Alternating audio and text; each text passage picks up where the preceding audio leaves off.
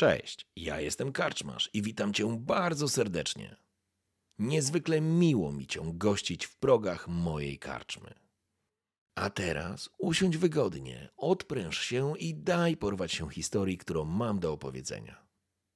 A jeśli spodoba Ci się to, co usłyszysz, zawsze możesz rozważyć wsparcie mnie za pomocą patronite.pl. Link znajdziesz w opisie. Życzę miłego słuchania. Oby nam się!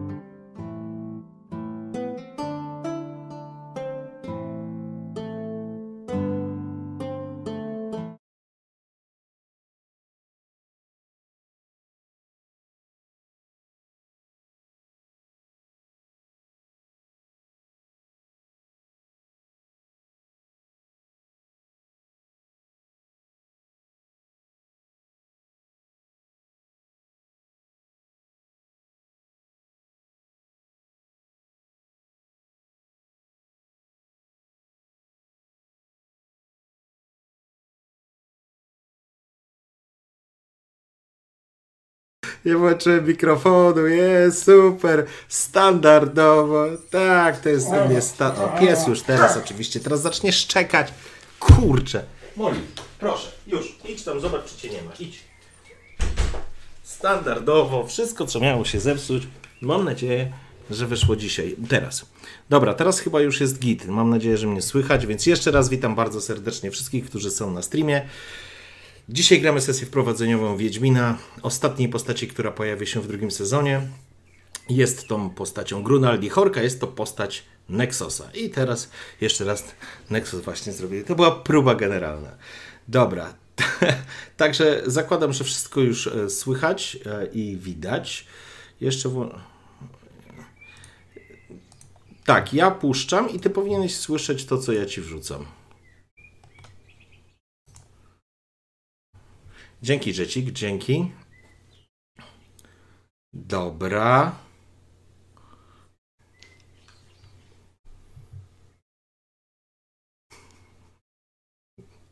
Cudownie. Wrz- robi, wklejałeś mi to na fejsie. What the fuck? Dobra. Teraz to gdzieś tu poszukam. Ja tu oczywiście wrzucam jeszcze linki do karczmarza, żebyście wpadli oczywiście do niego na kanał. E, Tam też prowadzona jest sesja i w przyszłości też będziemy u niego prowadzić w zasadzie sesje takie, takie standalone nowe, że tak to powiem.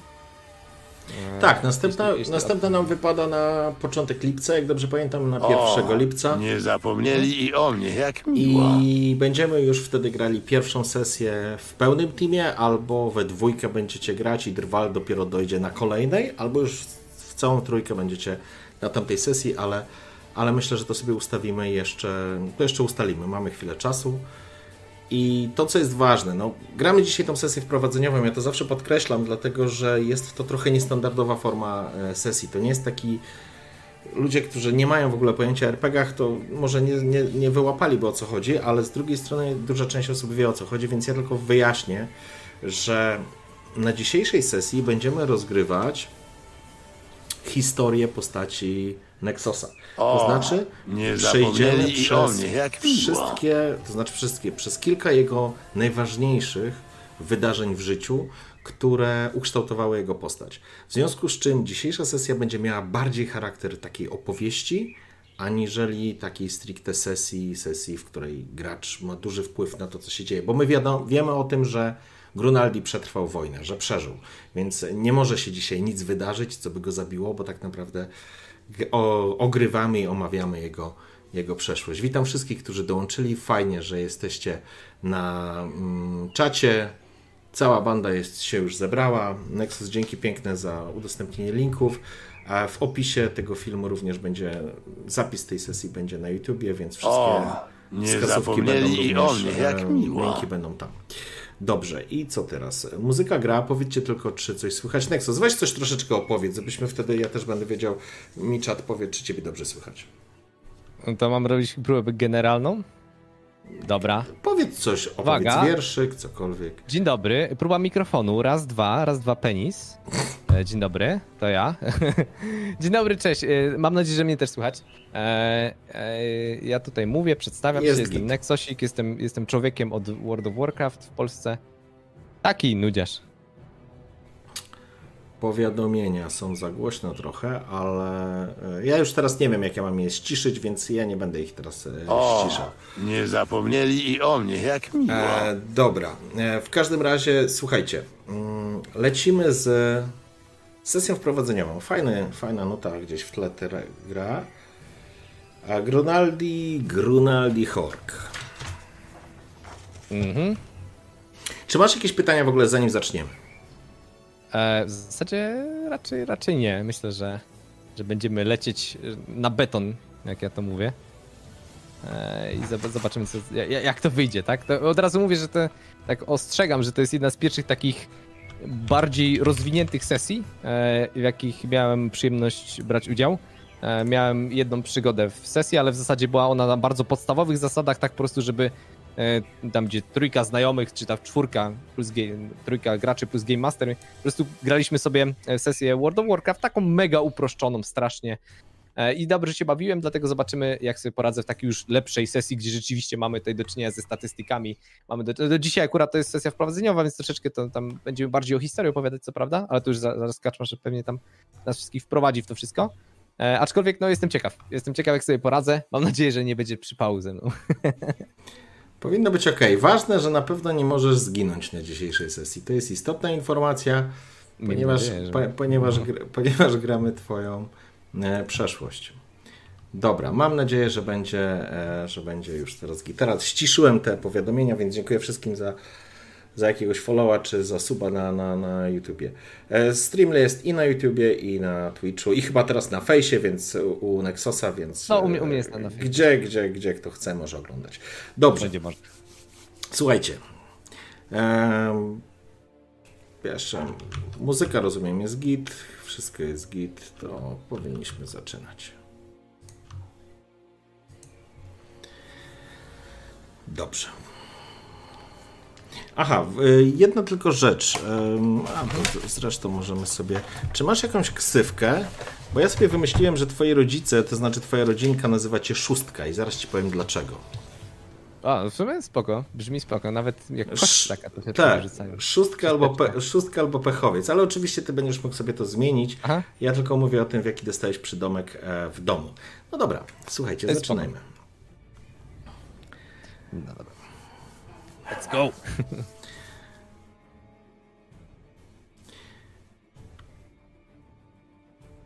Jest 1270 rok. Co to znaczy? To znaczy, że jest blisko dwa lata po pokoju centryjskim, który został zawarty w 1268 roku, w kwietniu.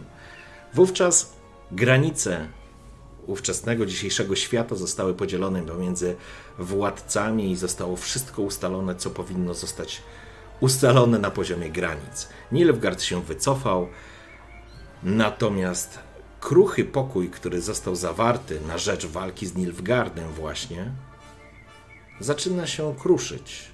Minęły już dwa lata, a więc Królestwa Północy, które ówcześnie były zjednoczone pod jednym sztandarem, sztandarem Foltesta i dziel, dzielnie biły się pod Brenną, dzisiaj zaczynają interesować się przede wszystkim własnym końcem nosa.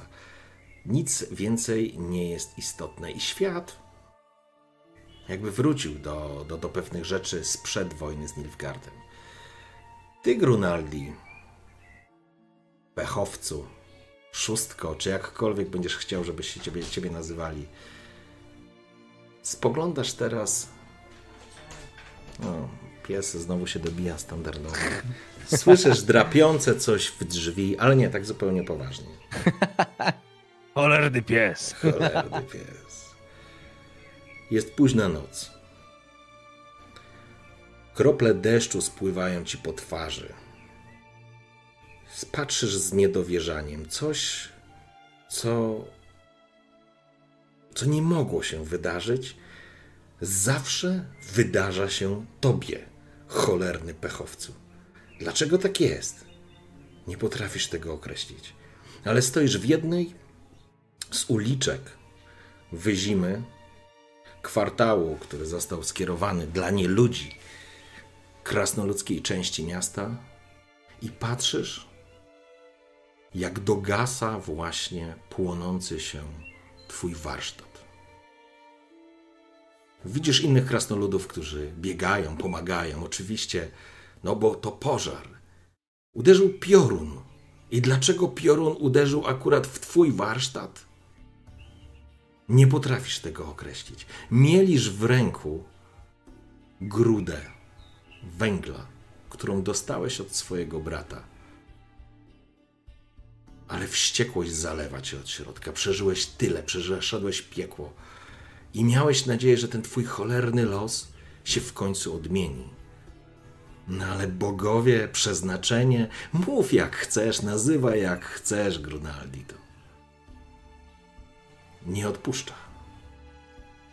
Nie wiesz, czy po tej brudnej twarzy osmolonej, kiedy walczyłeś z płomieniami, żeby uratować cokolwiek, a przede wszystkim, żeby uratować plany twojej samorepetującej się kuszy, od której tak naprawdę wszystko się zaczęło. Od twojego szaleńczego pędu, chęci wynalaz- tworzenia wynalazków, tworzenia nowych broni. Zaciskasz pięści, ciężko dyszczesz, przykryżając zęby. Czujesz w ustach spaleniznę. I nie wiesz, czy po tej twojej twardziej, twardej i zaciętej teraz twarzy spływają łzy wściekłości, czy to może krople deszczu. Ale zanim przejdziemy do rzeczywistości, w końcu skądś się musiałeś wziąć, Grunaldi, z tym swoim pechem. O, niestety. A skąd się to wzięło, Grunaldi? Już spieszę z wyjaśnieniem.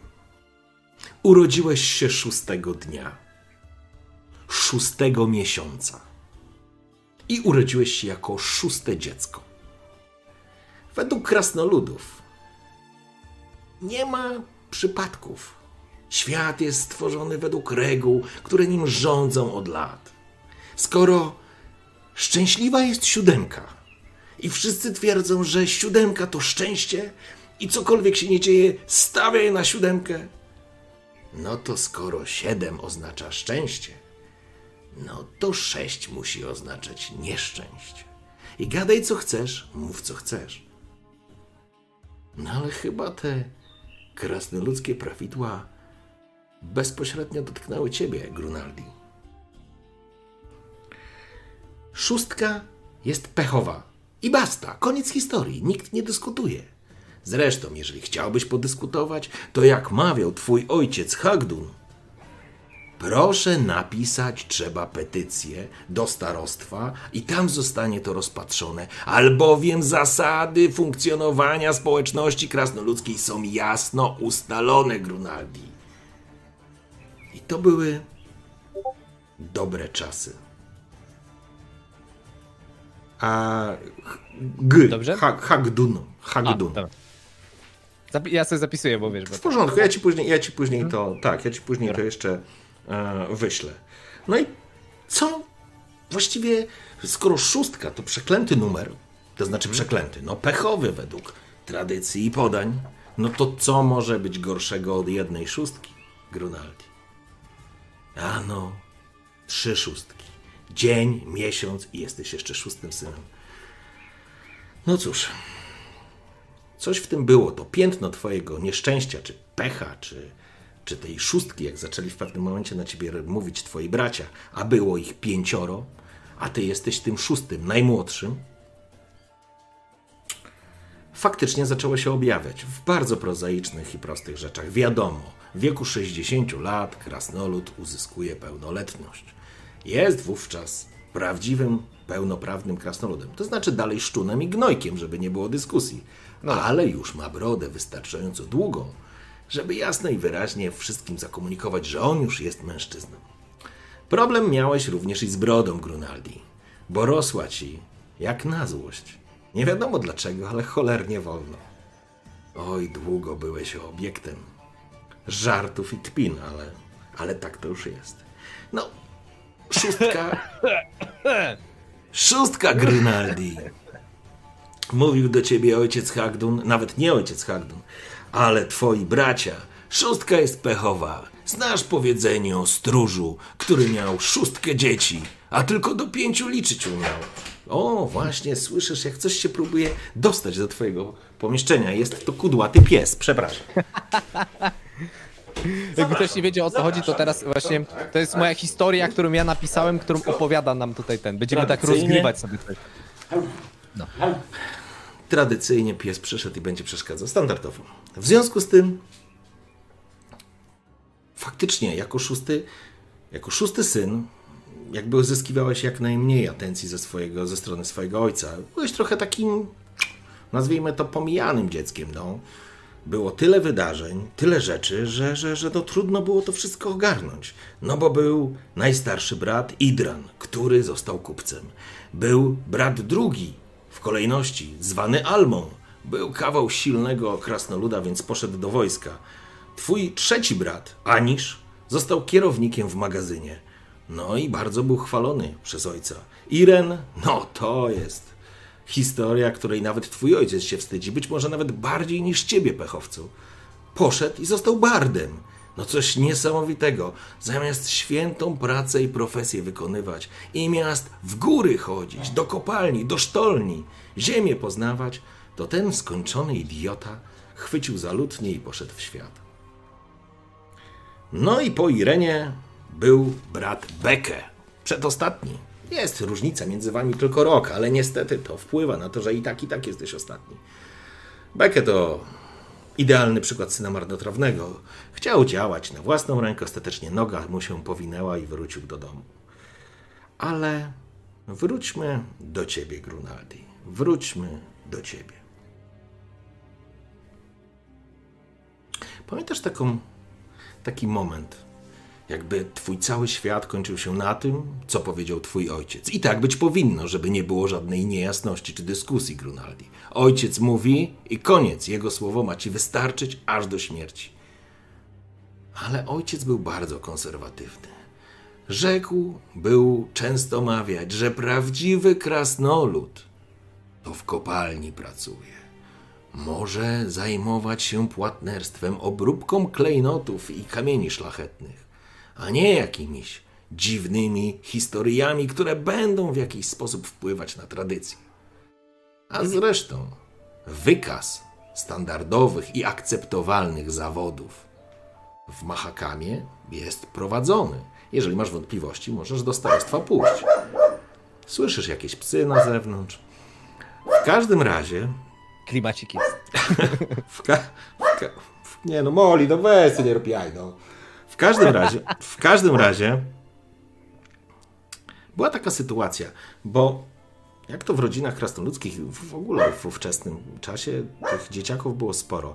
Twój ojciec miał swojego brata, z którym strasznie się nie lubili.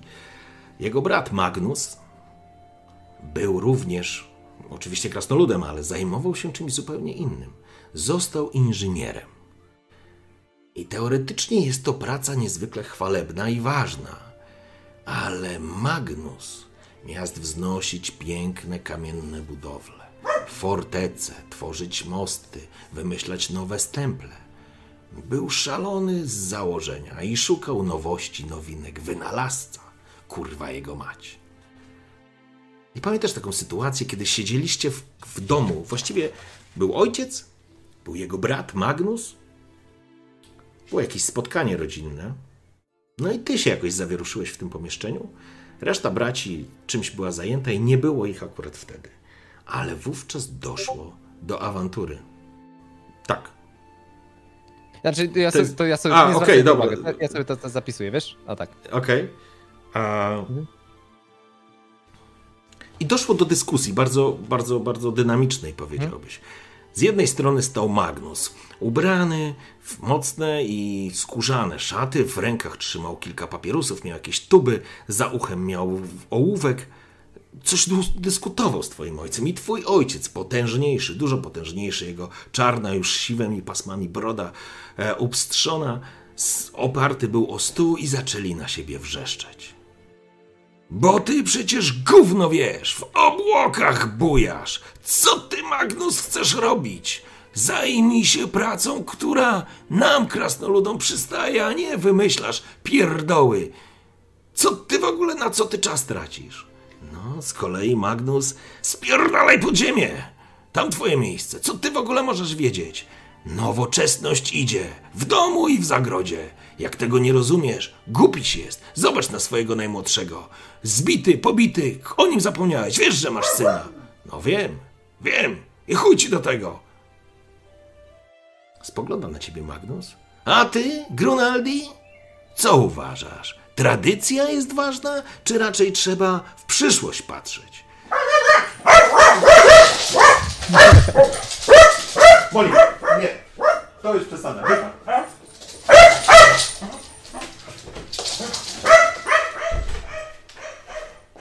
Dobra. Molly już zrobiła taką zadymę, jakiej jeszcze nigdy nie zrobiła, ale to standardowo. Oka. I widzisz teraz na sobie, czujesz twarde spojrzenie swojego ojca i spojrzenie swojego wuja, który przygląda się tobie, uważnie oczekując twojej odpowiedzi. Teraz wkraczam ja, cały na biało. Hmm. Mm, mm, Tatko zawsze mnie uczył, nigdy nie doznałem jakiejś krzywdy od niego. No właśnie, słyszysz, Magnus, że miał... Zamknij mordę, daj mu odpowiedzieć. Ja my, myślę, że no tatko ma tutaj rację, tak? Są, są zasady. Capie głupy, słyszysz, słyszysz. Magnus się spogląda na ciebie. Z jakimś takim masz wrażenie, że jego mm, w oczach, w jego oczach wyczytujesz pewien taki, no zawiódł się, trochę się zawiódł. Ach. Spierdalajcie obaj pod ziemię. Bujać jaja koboldom. Nie gadam z wami. Obraca się i wychodzi.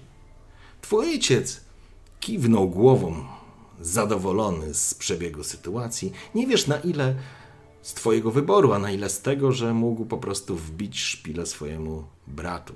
Jak później się dowiedziałeś, wszystko poszło o twoją matkę. Obaj startowali w konkury, ale ojciec twojej matki, Tygi, był również konserwatywny. Też myślał w ten sposób, że poczciwy krasnolud w ziemi grzebie i dłubie jakoby ten górnik, a nie jakiś tam inżynier latający i myślący o niebieskich migdałach. I w ten sposób Tyga trafiła, została żoną twojego ojca, no i właściwie twoją matką. A Magnus do tam, od tamtej pory z twoim ojcem zawsze darł koty. Ale ty, szóstka, jak zwykle, szczęście to właściwie nieszczęście ciągnęło się za tobą bardzo długo i, i faktycznie odkryłeś w sobie to, co sam zwykłeś mawiać, że masz smykałkę do, do grzebania w różnych rzeczach, do tworzenia, do budowania. No, jakoś nie ciągnęło cię tam pod ziemię z kilofem, żeby w sztolniach i w korytarzach urobek wypracowywać. Nie, ty wbrew pozorom bliższy byłeś jednak swojemu zamiłowani, swojemu wujowi Magnusowi. I faktycznie gdzieś po drodze udało ci się zaczepić do pracy jako czeladnik w którymś z w którymś z warsztatów i tam wykonywałeś najprostsze prace, ale one i tak sprawiały ci dużo więcej e, dużo więcej radości niż kopanie i szukanie kamieni, czy, czy, czy tworzenie, wykopywanie po prostu, praca w kopalniach, mówiąc wprost. No, podpadłeś tym ojcu, ojciec specjalnie nie był z tego, nie był szczęśliwy, ale z drugiej strony, tak jak mówiliśmy, on byłeś szósty, no. Byłeś szósty w tej dużej rodzinie, więc nie poświęcał ci specjalnie dużo czasu. Może i lepiej, bo gdyby poświęcił, to byś nigdy nie trafił do wuja Magnusa. I spoglądasz teraz, zaciskając w rękach drewnianą tubę, którą udało ci się wyciągnąć z płonącego twojego warsztatu w Wyzimie. Jest ciemna noc, ale tutaj płoną pochodnie, biegają ludzie, dogaszają, ktoś krzyczy, ktoś klepie. Ty zaciskasz zęby, bo masz wrażenie, że znowu stoisz przed warsztatem swojego wuja. Jako gówniarz. Miałeś 60 lat. Pukasz do drzwi. Słuchać ciężkie kroki. Po czym drzwi się otwierają i stoi w nich twój wuj Magnus. Magnus ma ciemną brodę, spiętą w kilka, e, zwiniętą w kilka warkoczy splecione na końcu. Ma na oczach takie okrągłe okularki, włosy ma zaciągnięte do tyłu i na głowie ma taką, taki czepek jakby e, rzemieślniczy. A przy tym oczywiście skórzany fartuch, w nim całą masę różnych przyrządów. Otwiera drzwi ze skrzypnięciem. Czego? Spogląda Eee. na ciebie. Aha. Grunaldi? E, cze, cze, cześć, wuju. E, Tak, to ja, drzwi. Ronaldi. Z- Zamknął drzwi, zanim skończyłeś zdanie. Cholera jasna. Ach, Wiedziałem, że jest uparty, ale że aż tak? Mimo wszystko słyszysz, że nie odchodzi od drzwi, stoi. Jakby walczył sam ze sobą. Okej. e, w tym momencie w zasadzie można by powiedzieć, że spodziewałem się tego. Zakładałem, że to może być jakieś takie. że to może właśnie w ten sposób wyglądać. Więc odwracam się po prostu z chrzęstem jakichś swoich narzędzi i próbuję odejść. Po prostu. I najwyżej może spróbować innym razem, Mhm. czy coś na takiej zasadzie. I po prostu mrusząc coś, coś pod nosem, na to, tak. Mhm. Odchodzisz zatem po tej żwirowanej drodze, słyszysz ze skrzypnięciem otwierają się drzwi. Po co żeś tu przylas młokosie? Z podziemi cię wypuścili? Teraz w zasadzie zaskoczony, odwracam się, oczywiście. E, wuju.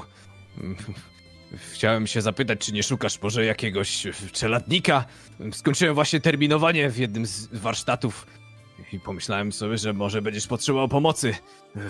Mam parę pomysłów. Znam się na rzemiośle. Jestem, jestem dobry. Jakich Natomiast- pomysłów? Jakich pomysłów? Jak się ciebie pytałem, co chcesz robić, to powiedziałeś, że będziesz bujał jaja koboldą w kopalniach. Wtedy byłem strasznie zdenerwowany. Ojciec wywierał zawsze na mnie taką presję. Natomiast ojciec główku, jest bardzo staromodny, zawsze myśli tylko o kopaniu. I kopaniu siedziałby całe życie pod ziemią. Całe życie zresztą mnie ignorował. Natomiast ja, ja czuję, że, że chciałbym robić coś innego. Tworzyć. Zawsze miałem jakiś taki zapał do takich rzeczy. A wiem, że ty się tym interesujesz. Matka mi opowiadała, ojciec zresztą też, że robisz jakieś różne dziwne rzeczy. Pomyślałem sobie, że może zajrzę do ciebie. Może będziesz miał jakąś robotę. Widzisz, lekko przygryzł zęby, błysnęły oczy. No, sprawdźmy cię, łachmy to, co żeś się nauczył. Chodź, pokażę ci parę rzeczy. Jeśli będziesz potrafił mi wyjaśnić, jak one działają, to się zastanowię. Słyszysz? Zastanowię, kurwa twoja mać. Chodź. I po nocach nie łaź, szlak cię trafi. No, może wiesz. Nie najlepsza, ale jednak rodzina jesteś. Chodź, Grunaldi. Muszę ci parę rzeczy pokazać. Wrzucił cię, to znaczy wrzucił. Wszedłeś do środka, poprowadził cię natychmiast do części warsztatowej. Zaczął wyciągać plany, jakieś elementy, jakieś koła zębate, jakieś mechanizmy. Na twoje szczęście, oczywiście nie potrafiłeś odpowiedzieć na wszystkie pytania, ale ilość wiedzy albo Twoich poprawnych odpowiedzi, które padły podczas tej rozmowy, musiały chyba zrobić na nim wrażenie. Bo ostatecznie przyjął Cię na termin i uznał, że dobrze zostaniesz jego czeladnikiem. A przy okazji, może ktoś z tej rodziny poza nim jeszcze na poczciwego krasnoluda wyjdzie i zmieni cokolwiek w tym mahakamskim betonie. Nie, nie mówię o betonie, skały, skale. I faktycznie, zostałeś przyjęty do swojego wuja Magnusa i wspominasz ten czas bardzo dobrze. Bardzo dobrze, ponieważ Magnus otworzył ci oczy na wiele różnych rzeczy. Nie tylko na rzemiosło, nie tylko na mechanikę, nie tylko na fizykę pewnych rzeczy, jak co działa, jak może działać, jak można ułatwić życie, ale on wywrócił do góry nogami twój cały światopogląd o tym, jak funkcjonuje świat. I po raz pierwszy w życiu miałeś okazję słyszeć krasnoluda, starszego krasnoluda, który opowiadał, że większość praw, które działają w Mahakamie, są już tak stare i spróchniałe i przeżarte, że to jest bzdura. A prawo, żeby wysyłać do zgodę, o prosić o zgodę o ścięcie czy przycięcie brody, to jest już w ogóle jakieś dureństwo. I strasznie, ale to strasznie narzekał i na wojewodę Bronibora, może nie na Bronibora, na Browera Hoga. Na- na Sorry. Browera Hoga, Tak, Bronibor to nie ta historia. Na Browera Hoga i jego takie klasyczne podejście mm, do, do rządzenia Mahakamem. I wszystko było dobrze. Grunaldi, to naprawdę był dobry czas dla ciebie. Ale przyszła jedna noc. Przyszła jedna noc, a ty ślęczałeś nad deską.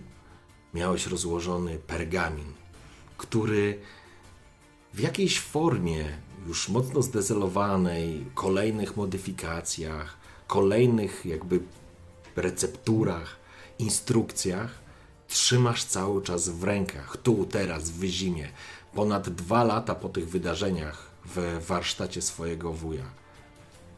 Trzymasz, bo kurczowo się trzymasz tego, tego pomysłu, że to, to jest rewolucja. Jak zwykłeś mawiać, przyszłe wojny będą prowadzone na odległość. Nikt nie będzie się żelazem po łbie okładał. I dlatego tak wierzysz, że pomysł i projekt samorepetującej się kuszy może być kluczowy dla przyszłości. Ale wtedy, u Magnusa, kiedy składałeś tą kuszę, tworzyłeś ten magazynek i doszło do próby, a właściwie do samoistnego wystrzelenia. Bo przecież, kurczę, szóstka, ty zawsze masz pecha. I przypominasz sobie jeszcze przez chwilę, stojąc i zakryzając z wściekłości zęby, że przecież chciałeś uciec z tego Mahakamu wcześniej, po zakończeniu 60 lat. Z kumplami się spotkaliście, ucztowaliście i biesiadowaliście w jednej z karczm i wpadliście na fantastyczny pomysł. Każdy krasnolud po ukończeniu pełnoletności ma prawo na rok opuścić Mahakam, żeby się czegoś nauczyć, żeby poznać świat, żeby zobaczyć, jak te cepry w nizinach żyją. I mieliście nawet plan. Zakład pod Mariborem, jednego z twoich kumpli. Tam była rodzina. Byłoby przyje... Byliby... Mielibyście tam robotę i dach nad głową. Ale był jeden problem, szóstka. Było pięć miejsc. Pięć, kurwa! Siedzieliście przy tym stole, pijąc to piwsko, wrzeszcząc, żeby wam dolali i nagle, cóż, ktoś nie mógł pojechać. Ktoś musiał zostać.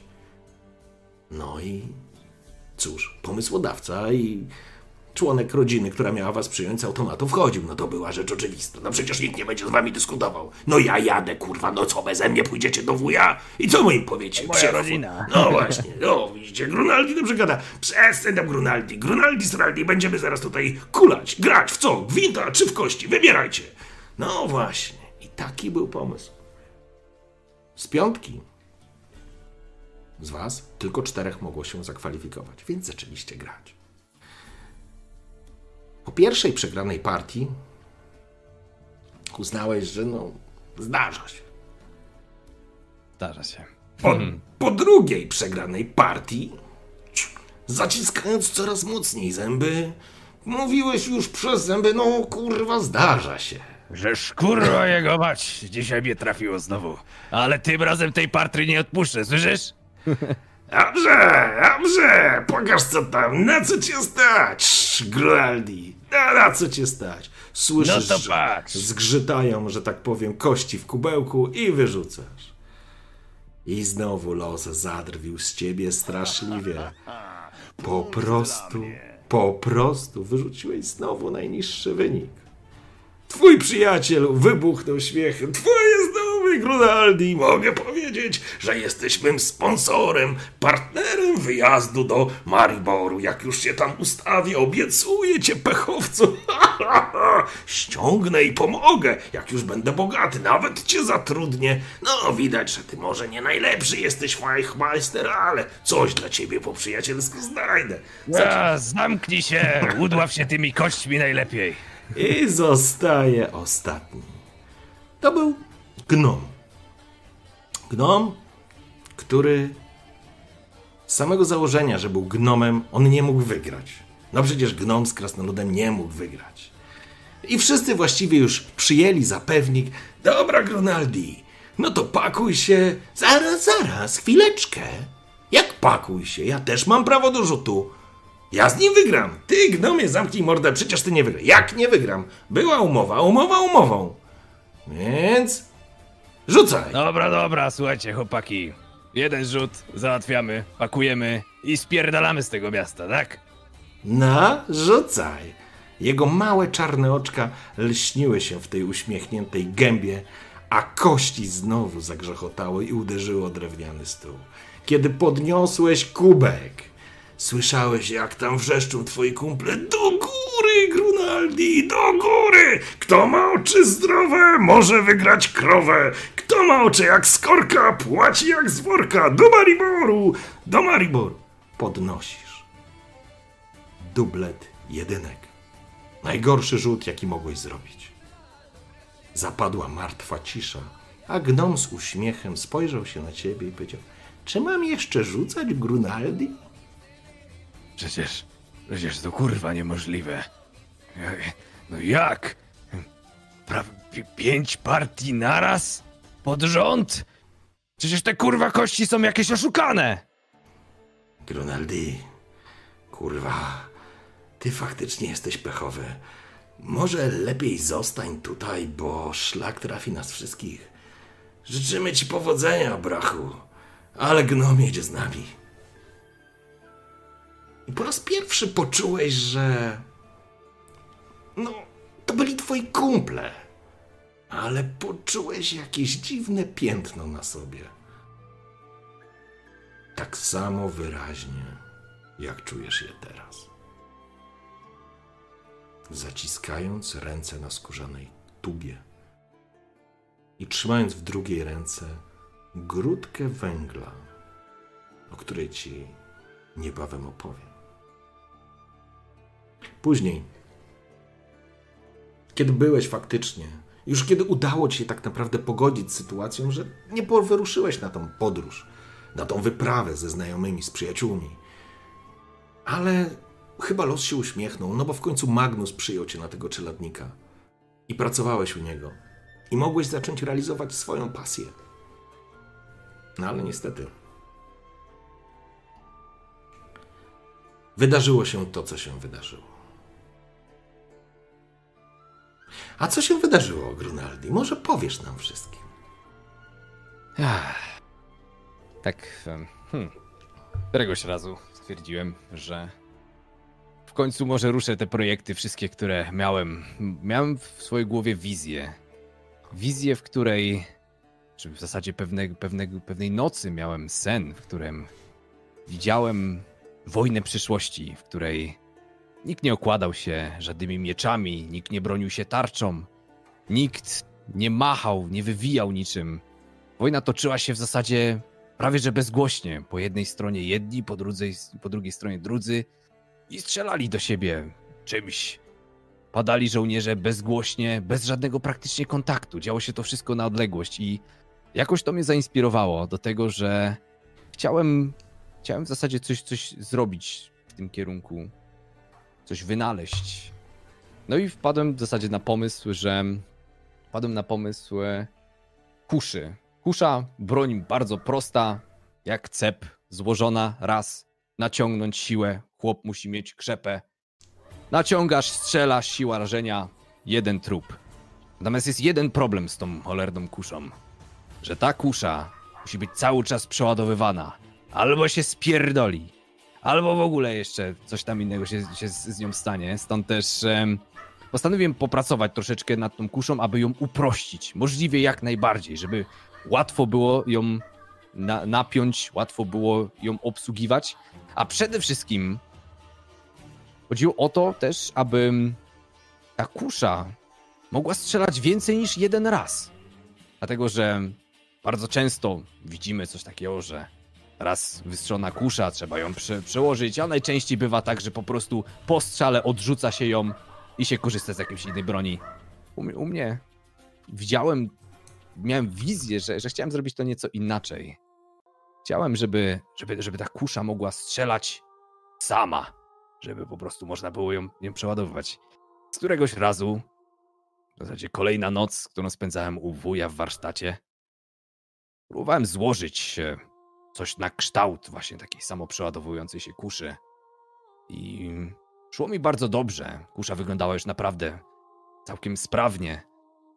Byłem w trakcie przygotowywania magazynka do tego, żeby przechowywać te bełty, które wskakiwałyby na, na miejsce wystrzelonego bełtu zaraz po naciągnięciu kuszy po raz drugi. Lecz no tutaj pojawiło się pewne niedopatrzenie, które sprawiło, że niestety, gdy naciągałem kuszę, sprawdzając mechanizm, który wyrzucałby bełt, wstawiając go w miejsce, któryś z mechanizmów nie był najwyraźniej dostatecznie rozkręcony, dokręcony w zasadzie. I kurwa jego mać pierdolną. Kusza jak leżała, tak rozpadła się i jakimś cudem po prostu mi nic nie zrobiła. Natomiast znów jakimś cudem traf... części łopaty z tej kuszy po prostu rozleciały się wszystko we wszystkie strony i któraś z tych części uderzyła w kaganek, który stał zaraz obok, który następnie spadł, spektakularnie się roztrzaskał i podpalił stół kreślarski, na którym wuj jeszcze dzisiaj wieczorem spisywał jakieś swoje plany, wypełniał księgę swoją jakąś rachunkową, czy inne tam jakieś takie rzeczy. I momentalnie wszystko się zajarało. Wszystko zaczęło po prostu płonąć. Panikowany, oszołomiony tym, co się stało, będąc jeszcze w kompletnym szoku, starałem się ugasić jakoś ten ogień. Natomiast nie było nic w warsztacie, co pomogłoby mi ten ogień, ten czym kurwa, metalem mam to ugasić? Wybiegłem z chaty, przed chatę, przed w zasadzie warsztat i rozglądałem się jak głupi, czy coś może mi pomóc. Zacząłem krzyczeć, że pożar, że ogień. Momentalnie, gdy odwróciłem się, prawie pół warsztatu było już w ogniu. Na szczęście przechodziło tutaj paru strażników, którzy szybko udzielili pomocy. No i w ten sposób em, udało się jakąś podjąć akcję, żeby ugasić ten, przynajmniej spróbować ugasić e, ten, ten, ten cały pożar, który tam miał miejsce. Byłem w absolutnym szoku, stałem jak wryty, dlatego że jeszcze przed chwilę w tamtym miejscu no, mógłbym to nazwać moją pracownią. Natomiast teraz, widząc ten ogień, który po prostu jeszcze odbijał mi się w oczach, wiedziałem, że nic już nie pozostanie takie, jakie miało być. Że teraz bardzo dużo się zmieni. Tak. I twój pechowy los po raz drugi doprowadził cię do miejsca, w którym warsztat, miejsce twojej pracy znowu spłonęło. I jakby bogowie grali sobie, grali właściwie tobie na nosie, jakby sprawiało im radość męczenie ciebie i, i czepianie się ciebie, bo tak jak wtedy stałeś z przed tym palącym się w... Jak coś, to się słucham. Okej? To poczekaj chwilę, to poczekaj. Nie, nie no, to poczekaj chwilę.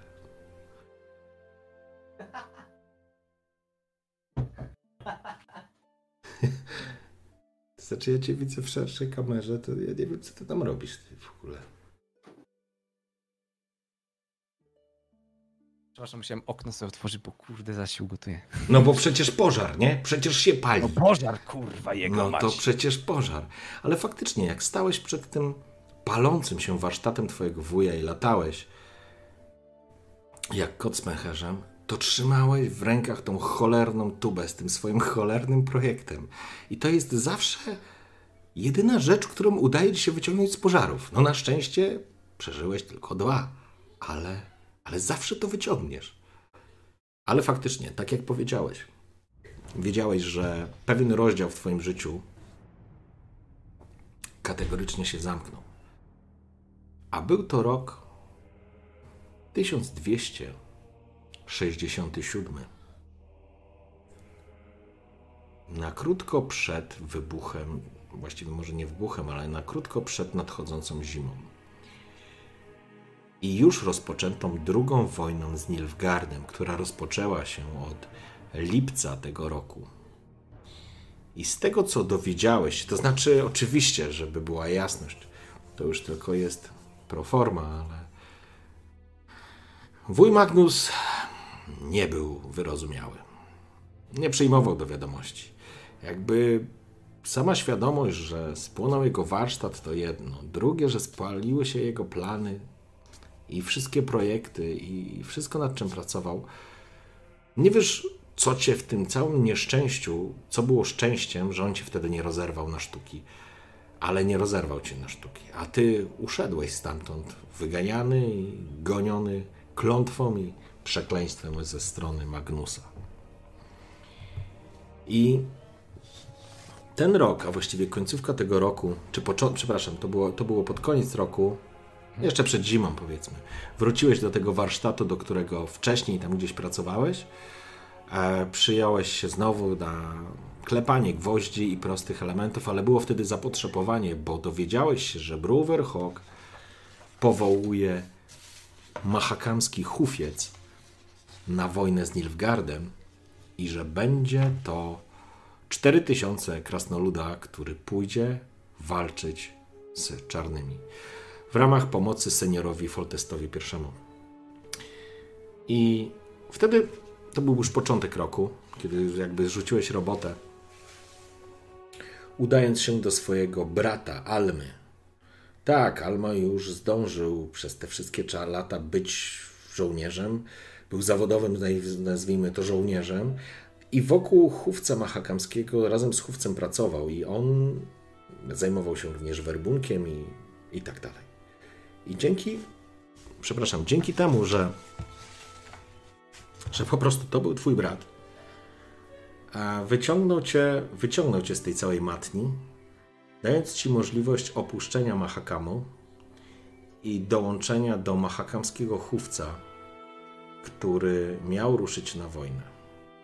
On wiedział, że jesteś rzemieślnikiem, on wiedział, że nie jesteś żołnierzem. Ale dzięki temu, że on był żołnierzem, miał znajomości. I dzięki tym znajomościom zostałeś oddany do przełożone pod, pod opiekę przełożonego płatnerza, płatnerzy i kowali, czyli Marlo Charmeya. Marlo Charmey był krasnoludem, który faktycznie funkcjonował w jakby sztabie kwatermistrzostwa. On zajmował się właśnie wszystkimi takimi mechanicznymi rzeczami. Jakby szefem tego kwatermistrzostwa był Forbel Skax. Słyszałeś o nim, e, kiedy dołączyłeś do grupy. E, Przepraszam chwilę. Chwila przerwy na sekundę. Ja zaraz, Jasne. zaraz wrócę. Sekundę, przepraszam. Jasne. Kurde, powiem wam, ja wam powiem tylko jedno, że mam, nie wiem co się dzieje, ale na zewnątrz wygląda jakby był kurwa koniec świata. Autentycznie.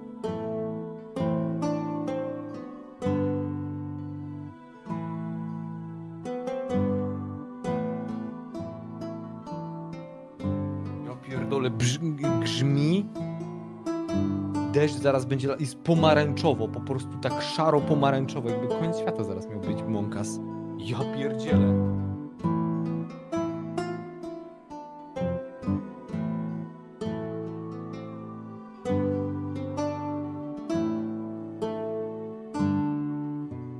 Jak wam się czat podoba? ta, ta historia, którą on tutaj opowiada, którą tutaj Marcin opowiada, to jest historia, którą ja wymyśliłem poniekąd. On ją zmodyfikował, do, dopasował. E, ja nad tą historią siedziałem właśnie Grunaldiego. Ca, całe całe te, te, to, że e, ojciec, że sz- sześciu braci, jakieś e, tam, wiecie, to, że tam podjąłem pierwszą pracę, później kolejną pracę u wuja, to, że u wuja coś wywaliło, e, później, że chciałem uciec, tak to wszystko ja tutaj pomyślałem, on to właśnie tak świetnie, świetnie to jednak zrobił, bo ja tylko dałem taki szkielet, natomiast Marcin zrobił tutaj totalnie właśnie taki, taki klimat. Marcin świetnie to prowadzi, masakra. Ja jeszcze nie jestem taki troszeczkę wdrożony w to wszystko, nie, jeszcze nie czuję się aż tak na, na tyle pewnie, e, ale myślę, że będzie naprawdę zajebista zabawa. Fajnie to prowadzi, naprawdę jest super. Czekam na RP więcej. No to jest ta- taki, no bo to, to będzie na pewno więcej roleplaya. E, sesja to jest taka na razie wprowadzająca, żeby, żeby poznać historię moją tutaj, nie? Natomiast, e, natomiast no w przyszłości będzie, będzie więcej, będzie nas trójka grała. Jestem. Sorry, ale pożar taki się nagle w chacie zrobił. E, dobra. Nie, wygląda jak koniec świata dosłownie by był, nie wiem, jakiś tak masakra na zewnątrz. Już? Jesteśmy? Mhm. Tak. Dobrze. Mm. Więc dołączyłeś do ochotniczego chówca mahakamskiego. Tak jak powiedziałem, 4000 krasnoluda. Pod przywództwem Barclaya Elsa, pułkownika, ruszyło do Ceprów. Ruszyło do króla Foltesta, żeby nieść pomoc i wywiązać się z obietnicy. Pułkownik Barclay Els, Denis Cranmer, Sheldon Skaggs, Zoltan Chiway i Jarpen Zirglin to osoby, które na pewno, to postaci, o których na pewno słyszałeś. Mhm. I. Czekaj. Czekaj, mam kurczę kryzys. Młody nam coś dzisiaj szaleje. Jasne, nie ma problemu, słuchaj. E, sekunda. Family first. Ja, ja, tylko tak.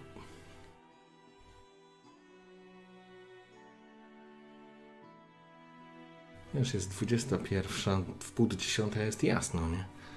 No. to, teraz już wakacje się zaczęły. Dobra, zobaczymy. Najwyżej zrobimy jakąś przerwę. Ehm, wracamy. Chłopiec Mahakamski i wydarzenia, z, jakby, które miały miejsce, kiedy dołączyłeś do chówca mahakamskiego, to były wydarzenia, które zdecydowanie zmieniły Twoje życie. I teraz, kiedy stoisz na tej uliczce Wyzimy, patrząc na dymiące zgliszcza, przecierając twarz, trzymając w rękach kawałek węgla i trzymając tą cholerną tubę, przypominasz sobie pierwsze, pierwsze rzeczy, które się działy w chówcu. Faktycznie ty zostałeś dopisany do, to znaczy przypisany jakby do, do, do części kwatermistrzowskiej, do tych płatnerzy oraz kowali. Co się z tym stało? Pardon, przerwę. Nie ma problemu.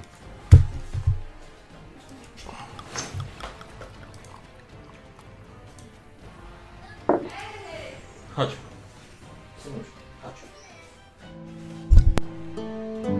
Kurde, powiem wam, u mnie to jest w ogóle masakra. Zaraz się świat skończy.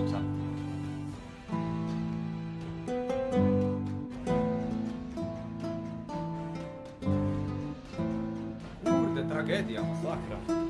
Powiem wam, pada ten, pada deszcz, w ogóle jest tragedia. W ogóle dwa razy widać kamerę. Nie wiem dlaczego kamerę mi akurat wywala, masakra. Dobra, kamereczka. No, ale zrobiłem tutaj taką chwi chwilę nie przerwy. Dobra. Teoretycznie nie F, jest na Discordzie, no właśnie. Tylko ta kamerka troszeczkę inna jest. Nie wiem, bo to ta karta do przechwytywania. Te karty wszystkie mi tutaj popadały, masakra. Troszkę wkurzające bym powiedział. Troszkę wkurzającym.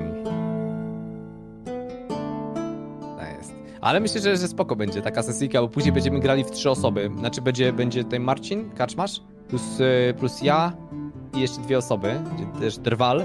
Drwalem Rembaju będziemy grali. Eee, i, I myślę, że będzie całkiem spoko. Naprawdę będzie spoko. No, karty do przechwytywania, plujemy na nie.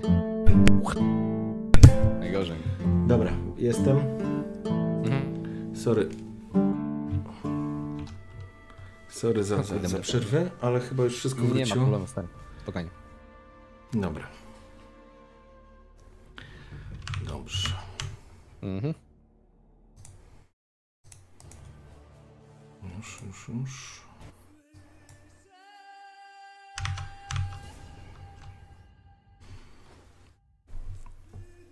Stoisz na tej ulicy, przyglądasz się kawałkowi węgla, tego kamien, kamyka węglowego. Właściwie no, jest to po prostu grudka węgla. Wydawałoby się, że jest tak nieistotna. Kiedy Hufiec zszedł z Mahakamu i ruszył do Królestw Północy z pomocą, ty oczywiście już służyłeś, byłeś pod twoim jakby przełożonym był Marlo Charmey. Natomiast oczywiście miałeś kontakt ze swoim bratem Almą, ale Alma był wojownikiem, był żołnierzem. I tak jak ty zabezpieczałeś, a właściwie pracowałeś na tyłach, w obozach, e, w punktach e, kwatermistrzowskich, czy, czy, czy kuźniach, czy przygotowałeś i naprawiałeś e, napierśniki, sprzęt wojskowy, cokolwiek tak naprawdę, co zostało ci przydzielone, tak twój brat walczył w tym wielkim żółwiu. Zaciskasz mocno dłoń, dużą, ciężką, krasnoludzką dłoń na tym węglu. I znowu czujesz zapach ognia i pożaru.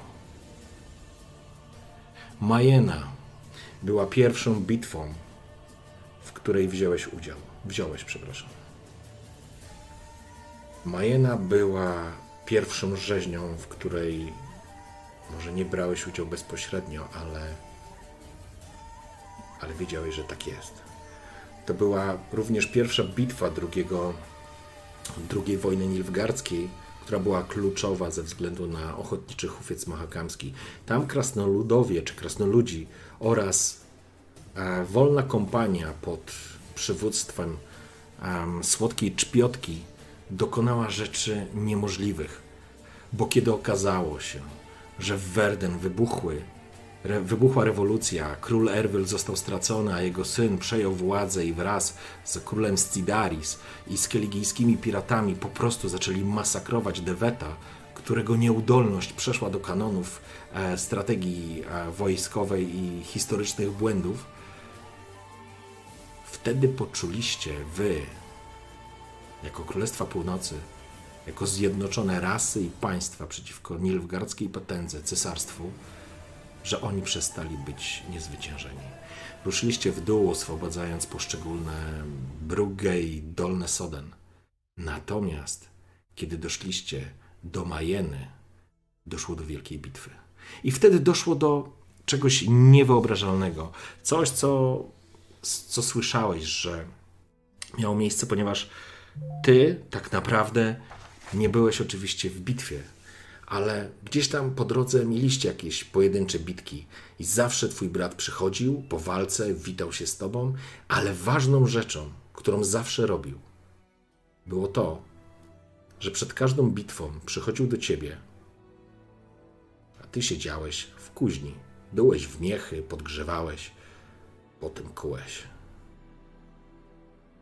Słyszysz ciężkie kroki, znane ci kroki. Widzisz potężną twarz swojego brata, który wchodzi do środka, rozglądając, szuka ciebie. Alma. Potężny krasnolud z wytatuowanymi łapami, w kolczudze, w hełmie, szeroki pas, za nim topór. Pawęż zostawił przy wejściu. Ronaldi! Ronaldi, gdzieżeś tu się schował? Wyłaś kocłunku! Tu jestem. Podchodzi do ciebie, obejmuje cię. Jak tam, braciszku? Dobrze ci to traktują? A, nie jest najgorzej. Słuchaj, no, pomóż mi to z tą skrzyneczką troszkę, muszę ją przesunąć. Przesuwamy sobie. Za dużo mużdżysz, Grunaldi. Czas, żebyś trochę krzepy nabrał. Pomaga ci, wyrywa ci to właściwie z rąk i chwyta ją i przestawia we wskazane miejsce. Słuchaj, młody.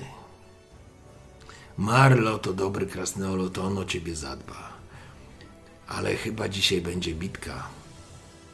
Więc wiesz, nie chciałbym tego nigdy zgubić.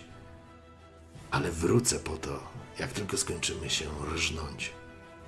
Po czym sięga do kieszeni, do takiej zapazuchy, wyciąga kawałek węgla, grudki węgla.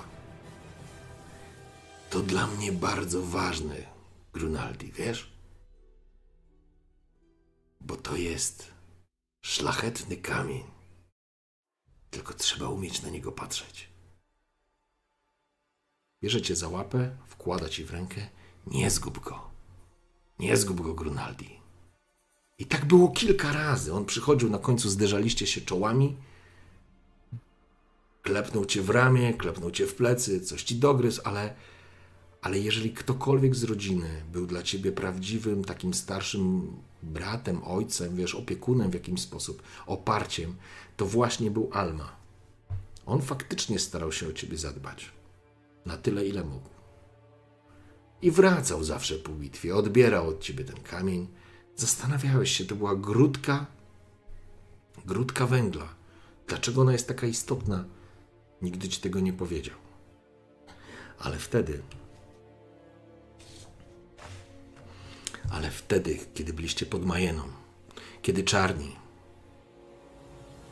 stanęli przeciwko wam, przekraczająca ilość żołnierza, to znaczy zdominowała was, bo ich było po prostu więcej. Ale wówczas dochodziło do, do jakichś dziwnych rzeczy i ty, szóstka, zastanawiałeś się wielokrotnie, czy, czy, czy, czy, czy ten pech ci po prostu całe życie będzie prześladował, czy, czy może w końcu odpuści. Ale słyszałeś, że słodka czpiotka poderwała tysiąc swoich najemnych, na- właściwie swoich najemników, swoich żołnierzy z wolnej kompanii i uderzyła na trzytysięczny zagon Nilfgaardku- Nilfgaardczyków oraz um, Skojatel i rozbiła ich w puch. To było coś niesamowitego, ale rżnęli się wszyscy i kiedy po raz pierwszy usłyszałeś, jak w powietrzu unosi się dźwięk i wisk koni, krzyki ludzi, krasnoludów, nie ludzi, elfów i kiedy zaczęły łom- łomotać e, topory, oblachy, opawęże, kiedy zaczęły latać strzały, po raz pierwszy usłyszałeś i zrozumiałeś, czym jest wojna. Wtedy zostałeś oddelegowany tak naprawdę do pomocy kwatermistrzowskiej. Wozy woziły rannych z pola bitwy tutaj do namiotów. I widziałeś tam, była taka jedna ekipa, nawet całkiem przyjemna. Jeden gość się chyba nazywał Tolora i był jakimś kuzynem e, Forbela z Kaksa, czyli, czyli szefa kwatermistrzostwa. Oni wozili tych ludzi i nie ludzi. A ty byłeś często wołany do tego, żeby rozkuć rannego, bo czasami pancerz po uderzeniu wgniatał się i zostawał w ciele. Nie można było go ściągnąć. A widziałeś po raz pierwszy wtedy, jak z pancerzy wylewała się krew, jak wylewało się mięcho, jak wylewały się wnętrzności. Otwierałeś te pancerze jak kraby, żygałeś na początku jak kot. Nie byłeś w stanie tego zrozumieć, zaakceptować. A kiedy walka pod Majeną się roz, że tak powiem, kończyła i domykała, wiedziałeś, że, że jest po wszystkim, bo słyszałeś wrzeski, słysza, słyszałeś krzyki, słyszałeś o tym, że podobno odłączył się jakiś oddział w Richet i zaatakował wozy z rannymi. Chcieli ich dorżnąć, ale jakiś właśnie krasnolud, chyba ten Tolera, dał radę obronić tą kolumnę czterech wozów i rannych. Ale nie to jest najistotniejsze w tym wszystkim, bo strach, smród, krew to było pierwsze uderzenie dla ciebie, to, e, dla ciebie mm, Grunaldi. Po raz pierwszy miałeś styczność z czymś takim i, i szczerze mówiąc, nie wyobrażałeś sobie, jak można stać tam na dole. Jak krasnoludzki hufiec, wrzeszcząc ponad pole swoją pieśń, która dodawała im animuszu i powodowała, że wrogowie aż trzęsli się w posadach, bo słyszałeś ją nawet w swoich kuźniach, nawet przy szpitalu, kiedy otwierałeś kolejne kraby, jak zaczęliście je nazywać z innymi kolegami. Hu, hu, hu, Czekajcie, klienty, wnet wam pójdzie w pięty, rozleci się ten burdel aż po fundamenty. Razem, razem pawęż przy pawęży. I walka ze wszystkich stron, i rzeź, i kwik, i krzyk, i wolna kompania, i za złoty dukat, co słońce, co świeci jak słońce, i słodka trzpiotka, i kondotierzy, którzy uburosani w błocie i w krwi wjeżdżali do waszego obozu po walce, kiedy to wszystko się zakończyło. A ty, jak zwykle, wyszedłeś z kuźni i zacząłeś rozglądać się, kiedy hufiec mahakamski zaczął wmaszerowywać. Już wiedziałeś, która brygada, która drużyna, który, która kompania. Zacząłeś poznawać tych krasnoludów. I czułeś na plecach coś bardzo zimnego, coś bardzo śliskiego. Coś, co spływało od czubka głowy aż po same pięty. Coś, co powodowało strach. Hufiec zdziesiątkowany, znaczy straty były olbrzymie po stronie zarówno chówce, jak i wolnej kompanii. Dlatego was później wycofano. Ale ty zacząłeś szukać brata. Zacząłeś przebiegać od krasnoluda do krasnoluda. Alma! Gdzie jest Alma? Alma Hork! Al... Mój brat! Widziałeś mojego brata? Twarze krasnoludów były... Nikt nie cieszył się ze zwycięstwa. Odnieśliście ogromne zwycięstwo. To była... To był... To było trudno obliczyć, jakby nikt by nie postawił na to złamanej, złamanego, złamanej korony, e, że uda się. Natomiast słodka trzpiotka zrobiła cuda, a hufiec, a hufiec potrafił ją ochronić. Ale twarze krasnoludów były marsowe. Ubrudzeni, we krwi, w błocie, pawęż przy pawęży wchodzili do obozu, a ty przebiegałeś się od krasnoludach, wrzeszcząc Alma! Alma! I w końcu zobaczyłeś, Ameryka. Musisz tak ten. Aż masz de defokus ci zrobił na kamerce. A, światło zapalone.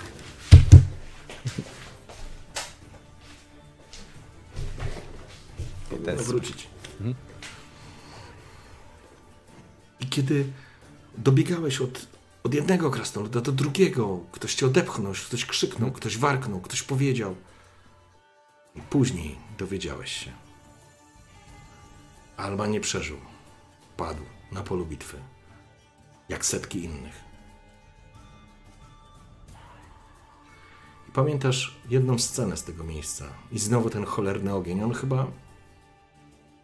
On chyba cię prześladuje. Bo widziałeś szpaler krasnoludów po lewej i po prawej stronie.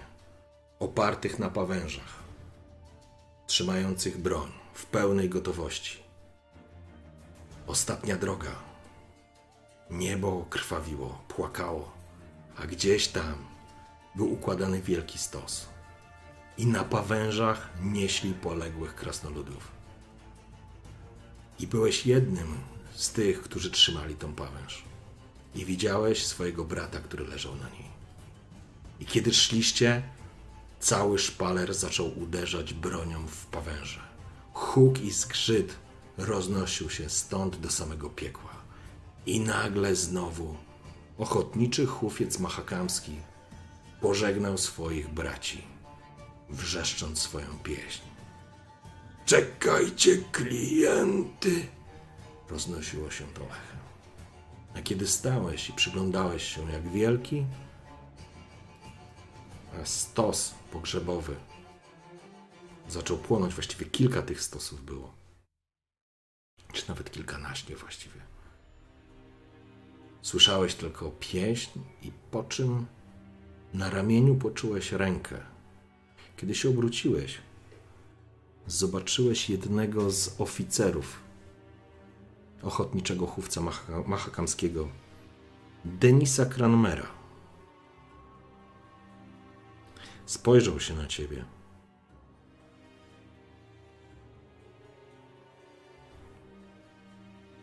Stoisz właściwie Z całych sił starasz się powstrzymać łzy, które tak naprawdę eksplodują ci niemalże w oczach. Ciężko utrzymać ci powagę, ma nawet nie powagę, ale nie, spokój, to w ogóle złe słowo. Starasz się ze wszystkich sił, żeby się nie rozpaść na części, Gronaldi. Czujesz, jak drżą ci usta, czujesz, jak masz zaciśnięte pięści. I słyszysz Denisa Cranmera, który stoi obok ciebie, jest potężny. Jest równie potężny, może nawet potężniejszy niż twój brat. Ma na sobie oczywiście hełm, a kolczugę jest w pełnej gotowości bojowej. Płacz, dzieciaku. Nadeszła godzina płaczu. Teraz hartujesz swój charakter. Jak żelazo, zanurzane w beczce z zimną wodą. Teraz płacz. Czas opłakać braci i przyjaciół. To jedyny dzień, w którym możesz płakać, dzieciaku. Za, zabili mi brata. Mojego bracika. Skurwysyny!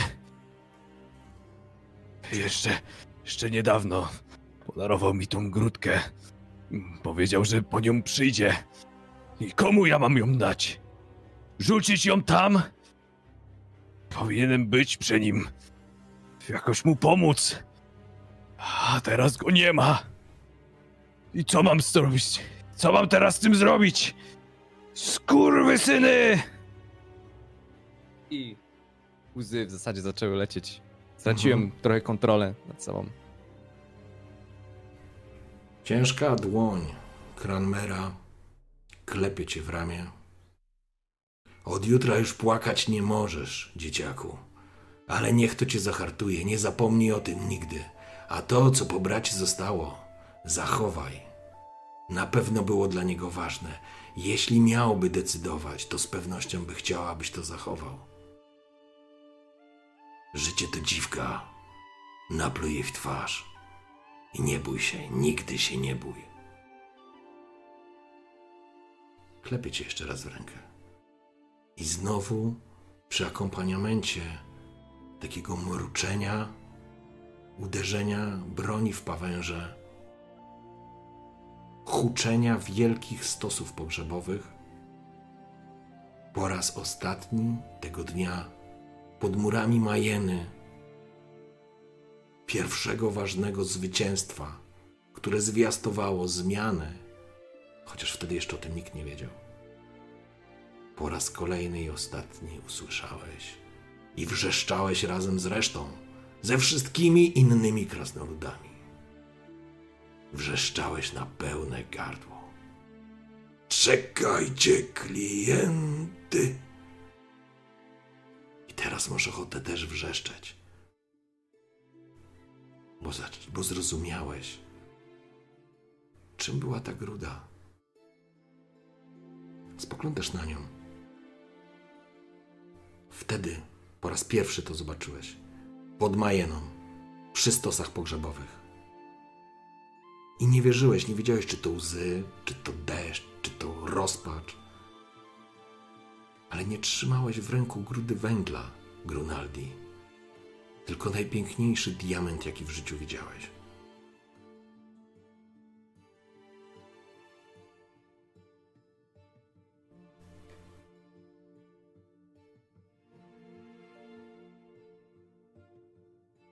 Widzisz, ktoś biegnie. Ktoś woła o pomoc, a ty stoisz jak wmurowany. Jesteś zupełnie nieobecny. Ty jesteś. Przeniosłeś się w czasie, Grunaldi. Ty przeżywasz to raz jeszcze. I kiedy myślałeś, że nic, ale to nic gorszego nie może się stać. W sensie pomajenie byłeś gotowy na wszystko, jak wielu twoich rówieśników. Tak byłeś przekonany, że teraz już nic cię nie zaskoczy. Nadszedł marzec tego samego roku. I doszło do największej bitwy w historii kontynentu. doszło do sławetnej bitwy pod Brenną. Był taki moment, Grunaldi, że bardzo prosiłeś Marlo Charmeya,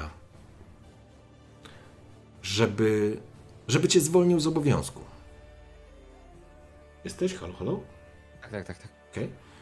Żeby cię zwolnił z obowiązku, żebyś, żebyś mógł stanąć tam na dole, żebyś mógł stanąć w czworoboku, żebyś mógł chwycić pawęż, żebyś mógł mieć szansę pomścić brata.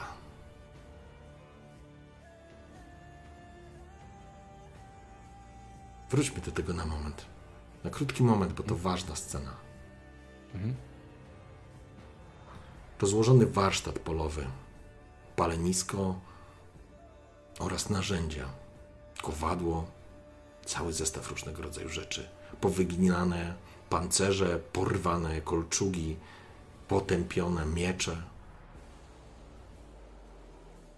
Stoi obok ciebie Marlo Charmey w skórzanym fartuchu. Ma na głowie podobną do Magnusa, taką białą e, chustę na głowie, zakrywającą spoconą twarz od ognia, oparzeń, widać blizny, wielka ruda broda. Grunaldi, oszalałeś. Nie jesteś wojownikiem. Marlo, to już nie daje mi spokoju. Za każdym razem, jak wzniecam ogień, widzę go, jak stoi tam, na polu bitwy. A ogień płonie, czuję w nozdrzach ten zapach. Nie daje mi to spokoju, musisz mi pozwolić. Pozwól mi iść tam i pomścić go. Marlo, Inaczej nie da mi to spokoju. Grunaldi. Nie jesteś żołnierzem. Twoja śmierć niczego nie zmieni, nie przywróci życia twojemu bratu. Zresztą, porachowałby mi wszystkie gnaty, gdybym cię puścił. Obiecałem mu, obiecałem mu, że nic złego ci się nie stanie, Grunaldi. I mam tak dalej żyć? Ze świadomością, że on tam walczył, a ja tutaj, jak panienka, chowam Nie! się po obozach? Łapię cię za, łapię cię za klapy. Nie, kurwa! Nie jesteś panienką. Nie łapiesz, nie chowasz się po wozach. Robisz coś, co potrafisz. Coś, co zmienia czas i miejsce. Coś, co im daje szansę na przeżycie. Kto będzie łatał te zbroje? Chwyta, puszcza cię, łapie na pierśnik z dziurą. Zobacz. Wsadza dwa ogromne paluchy. Przez to przejdzie wszystko. Zrób tak, żeby nie przeszło. To jest twoja rola. Twoja śmierć niczego nie zmieni, Grunaldi. Powiedziałem. Jesteś dobrym fachmanem. Możesz pomóc, możesz mieć wpływ na tą wojnę, ale nie ładuj się tam, gdzie nie potrafisz. Więc tak w zasadzie ciężko patrzę prosto w oczy. Jedynie co to po prostu wzdycham. Odwracam się i wracam do swojego warsztatu. Na swoje stanowisko. Chciał coś jeszcze dodać, ale, ale się powstrzymał. Ale nie było tu absolutnie żadnej agresji. On, on ciebie rozumiał, na pewno cię rozumiał. Wówczas pod Majeną wielu krasnoludów straciło życie. Ale Brenna. Brenna była czymś, czego nie potrafiłbyś sobie wyobrazić w największych koszmarach. Podczas bitwy pod Brenną zostałeś przydzielony również do pomocy przy rannych. I znowu ten sam gość, którego. Krasnolud, przepraszam, gość, tego samego krasnoluda, Tolere. Widziałeś go parę razy, wy nie mieliście ze sobą czasu pogadać. On był trochę w innej specjalizacji. Ty trzymałeś się płatnerzy, rzemieślników, kowali i całego, całego zaplecza ludzi, którzy, ludzi krasnoludów, którzy, którzy zajmowali się tak naprawdę cerowaniem tego wszystkiego, żeby się wszystko nie rozpierdoliło. No, a on był przede wszystkim odpowiedzialny podczas bitwy za transport ludzi, a ty musiałeś otwierać kraby, jak zwykliście to mówić. I w pewnym momencie, kiedy miałeś okazję zerknąć, czekaj, kiedy miałeś okazję zerknąć chociaż przez chwilę, z daleka, z bezpiecznej odległości, na pole bitwy, znowu poczułeś coś śliskiego na plecach. To nie o to chodzi, że ty się po prostu bałeś.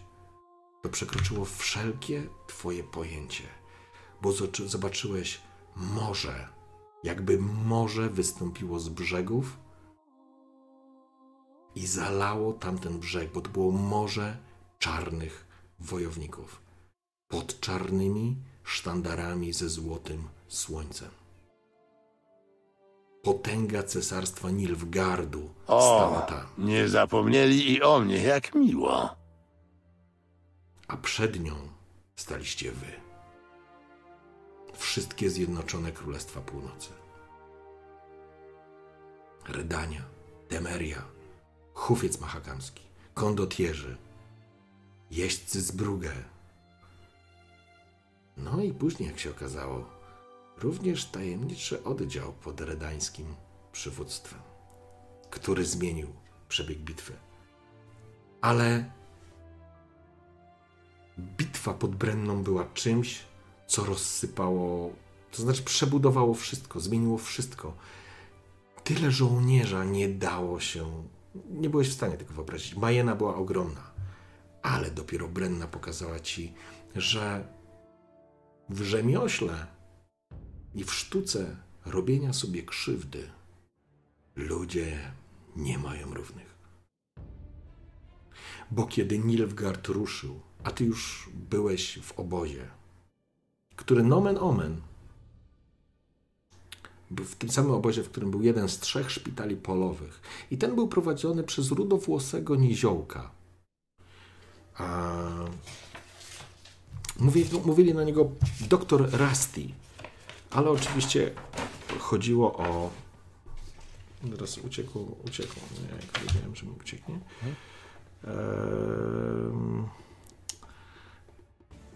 Gdzie to było? Poczekaj. Mhm. Eee, Jak na złość? Nie. No szlak by trafił. Gdzie to było? Tu. Oczywiście, Milo Vanderbeck. Sorry.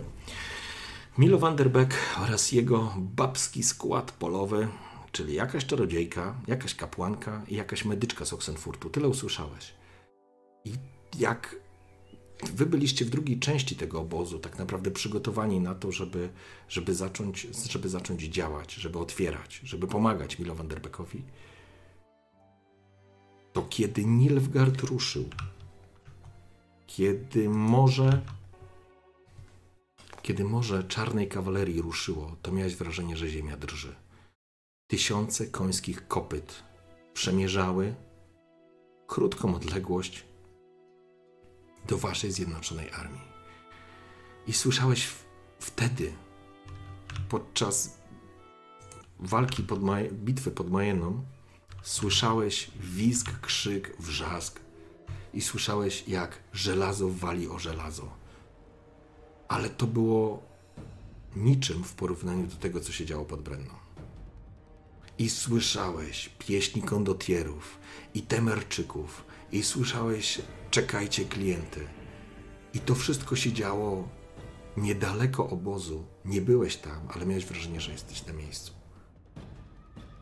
Ale w pewnym momencie usłyszałeś, jak do waszego obozu wbiegają ludzie i wrzeszczą Uciekajcie!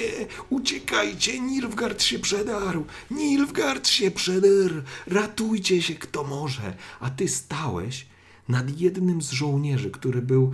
Zbroja była wgnieciona tak naprawdę w niego i próbowałeś otwierać go. Jak kraba. Milo Vanderbeck wrzeszczał szybciej, czerwone do czerwonego, białe do białego. No, Jola, Jola, szybko, szybko. No co ty tu robisz? Nie żygaj, tutaj się nie żyga. I później zobaczyłeś, jak z takiego dużego namiotu kwatermistrzowskiego wychodzi wychodzi Forbel Skax i wrzeszczy. Do mnie! Wiecie, czym się różnimy od ludzi? To był krasnolud oczywiście. Kwatermistrz chówca. My nie dajemy tyłów! Pawęże! Słyszysz za sobą Marlo, który łapie cię za, za, za bark Bierz kuszę, bierz kuszę i szykuj się. Chwilę potem kilkunastu krasnoludów, którzy tutaj byli, między innymi Forbel, e, Forbel Skax, ale również Torlra i jego koledzy, ustawili żółwia z pawęży. Małą wersję tego czterotysięcznego e, czworoboku, który teraz właśnie walczył tam, pod Brenną. A wy zauważyliście, że w waszą stronę, do waszego obozu, który był ufortyfikowany na tyle, ile można było zrobić, czyli były jakieś pale, były jakieś wały ziemne, były jakieś mm, doły, wjeżdżała w was brygada Wrichet. Okryta złą sławą grupa Skojatel, których symbolem były dwie błyskawice. Ona nie dawała pardonu, pardonu nikomu. Nikt nie ujdzie żywy. Część ludzi uciekła, ale Milo Vanderbeck, wiedziałeś to. On dalej łatał ludzi, on dalej leczył w tym namiocie. A konie zaczęły przeskakiwać i wskakiwać i wjeżdżać do obozu. Zaczęła się walka. Marlo się wycofał razem z tobą do części, do części kuźni i zacząłeś słyszeć, że tam są wrzaski, że tam są krzyki. I po chwili Skojatel byli wszędzie. I do waszej kuźni również weszli. Stoisz ty i stoisz Marlo. Dwóch innych z krasnoludów jest jakby z drugiej strony. Marlo trzyma dwuręczny młot w rękach. Przygotuj się. Oni nie dają pardonu. Grunaldi, nie zawahaj się. Nie możesz. Sprzedawczyki, zasyczał elf. Ludzkie.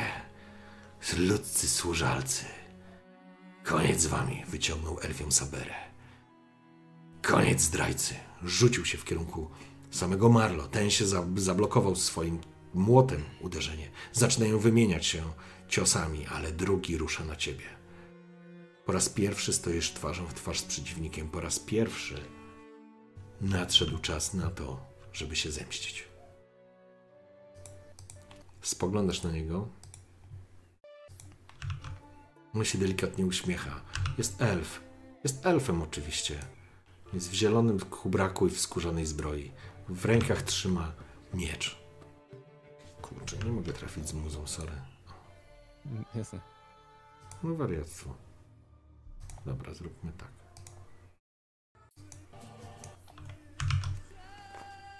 Spogląda się na ciebie, wyciąga ten miecz i rusza. Ty trzymasz kuszę. Ręce ci drżą i czujesz, że twoje nogi stanęły w miejscu. Jakby cię zamroziło, jakby cię zmroziło, jakby ci, jakbyś się spetryfikował, jakbyś się zamienił w kamień. Elf rusza szybko do ciebie, uśmiechając się zjadliwie. Słyszysz obok siebie Marlo. Grunaldi, strzelaj! Wymieniają się uderzeniem. Kurwa, strzelaj, bo nas wyrżną! Teraz ja trzymając tą kuszę, zaczynam ją ściskać coraz mocniej i po prostu pod nosem szepczę sobie Kurwa, jego mać. O, dalej maleńka, wiem, że potrafisz. Wycelowuję, podnoszę tą kuszę. Po raz w zasadzie, można powiedzieć, prawie że pierwszy do kogoś, do, do, do żywej istoty, do, do elfa. Widzę to wszystko jak przez mgłę. Celuję, waham się, słyszę jak krzyczy do mnie, słyszę to wszystko, co dzieje się dookoła Teraz strzelaj! Wrzeszczy Marlo. i ostatecznie pociągam po prostu za ten spust i kusza wypina się, strzela. Słyszysz specyficzny brzdęk zwalnianej cięciwy i bełt, który wyrywa się tak naprawdę z tego łoza. Przecina krótki, powie- przecina krótki dystans, świszcząc w powietrzu, przebija elfa, ciskając go, ściągając go do tyłu. Widzisz, na twarzy elfa w pewnym momencie pojawiło się zdziwienie, jakby nie zauważył tej kuszy, albo może był przekonany, że nigdy z niej nie strzelisz. Kątem oka dostrzegasz tylko, że Marlo ma kłopoty. Miech! Użyj miecha! Widzisz, że przy, stoi, oni walczą przy palenisku, a przy palenisku jest taki skórzany miech, wiesz, który do podniecania ognia, to się tak ładnie nazywa.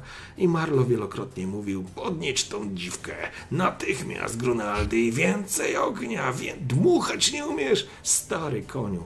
Ale to nie był czas na żarty. Ale faktycznie miech mógł spowodować, że płomień uderzy w elfa i go rozproszy. Natomiast elf Teraz- ma przewagę. Mhm. Mhm. Teraz w zasadzie mam takie rozterki. Słyszę, że mówi do mnie, że, że mam użyć miecha. Natomiast ja stoję z tą kuszą już teraz w zasadzie cały czas wycelowany, tak jak strzeliłem, tak stoję.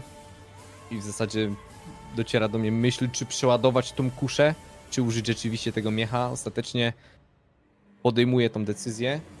Odrzucam kuszę, rzucam ją dosłownie tak jak stałem na ziemię, biegnę do tego miecha, łapię i po prostu co sił rzeczywiście zaczynam ściągać, e, znaczy zaczynam naciskać po prostu Mhm. ten miech, żeby rozgrzać jak najbardziej ten, ten piec. Kiedy faktycznie dobiegasz do skórzanego miecha, łapiesz za drewniane rączki owinięte skórzanymi pasami, dostrzegasz kątem oka, że Marlo dostał jakiś cios, który, który nie wygląda jakoś specjalnie tragicznie, ale zmusza go do pełnej defensywy. Elf jest całkowicie pochłonięty tą walką z nim. Marlo stawia opór, dobiegasz, widzisz palenisko, ściskasz raz, drugi, trzeci. Nagle ogień wybucha setką, setką tysiącem iskier i ogień zaczyna lizać tego, tego elfa. On z wrzaskiem odskakuje zaskoczony i to wystarczyło, bo Marlo chwycił młot. Obrócił się i skręcił w biodrach, po czym młot zakreślił krąg i po prostu uderzył, miażdżąc jego klatkę piersiową. W powietrzu wybuchł krzyk, trzask łamanych kości i elf po prostu tak jak stał, został zmieciony do ściany kuźni. Stoisz z tym miechem, krople potu spływają ci po twarzy, słyszysz wrzaski gdzieś z tyłu, gdzieś z obozu i spoglądasz tylko na twarz Marlo, który faktycznie musiał dostać jakiś cios, bo ma zakrwawioną twarz. Dobra robota, młody. Dobra robota. I ruszyliście. No i ruszyliśmy, dobra. Nie, sorry, okej, przepraszam, coś chciałeś dodać. Nie, nie, tak, tak wiesz, na, na zasadzie taki klimat, taki, że taki, wiesz, roztrzęsiony, bo zakładam, że to był po raz pierwszy, gdy, gdy po Tak, to był po raz pierwszy, tak- kiedy zabiłeś żywą istotę w postaci człowieka, elfa, wiesz o co chodzi. Takie, wiesz, to rozta- roztargnienie w zasadzie, takie... Kurwa, Marlo. Ja, ja, ja po raz pierwszy. Uśmiecha się Gabriel, ja. szczerząc takie zęby, które są zalane krwią z rany, która wali mu z czoła. Pierwszy raz jest najważniejszy, Gronaldi. Pamiętaj, roznieść dziwkę i jedziemy. Ładuj. Bierze młot i wychodzi. I wtedy wyszliście faktycznie. Przeładowałeś kuszę. Tego dnia zabiłeś jeszcze przynajmniej dwa elfy. A później, kiedy sytuacja wyglądała na strasznie dramatyczną, przybyła odsiecz. Coś, coś, co później się dowiedziałeś, że było kluczowym elementem, który wpłynęło na, na historię bitwy tak naprawdę i przeważyło szale zwycięstwa na, na, na stronę z Zjednoczonych Królestw. To był ukryty odwód dziesięciotysięczny pod przywództwem pod przywództwem red- redańskiego generała, który nie był wykryty, jak się okazało. Jesteś? Aha, kamerka ci padła? Nie, nie, nie, tylko tak, Aha. przesunąłem sobie troszeczkę. Odsiecz przy, przybyła pod Blenheimem Blenkertem i część tych jego wojsk weszła do waszego obozu, powodując ucieczkę w Richet, no i oczywiście siadając im na karkach. Widziałeś tylko podczas tej walki masę trupów wśród cywilów, widziałeś roztrzęsionego Milo van der Becka, który jakimś cudem przeżył. Widziałeś krasnoludy, z, które tworzyły tego żółwia i widziałeś konającego na ziemi Forbela Skaksa, nad którym schylał się jego siostrzeniec. Ten Tolera już się wtedy dowiedziałeś, że był jego siostrzeńcem. Brenna się skończyła, a z nią skończyła się wojna.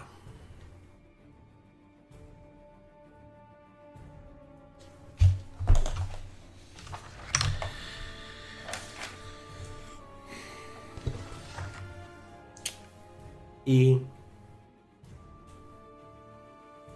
później pamiętasz, jak przez mgłę byłeś strasznie pijany.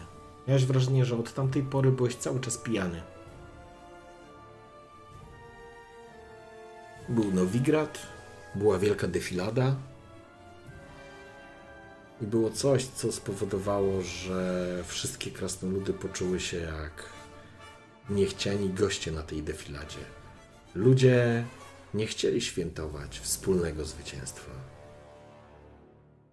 Mahakamski hufiec, który oczywiście również defilował przed lożą honorową, w której zasiadali wszyscy najważniejsi królowie, to znaczy wszyscy królowie tak naprawdę Królestw Północy,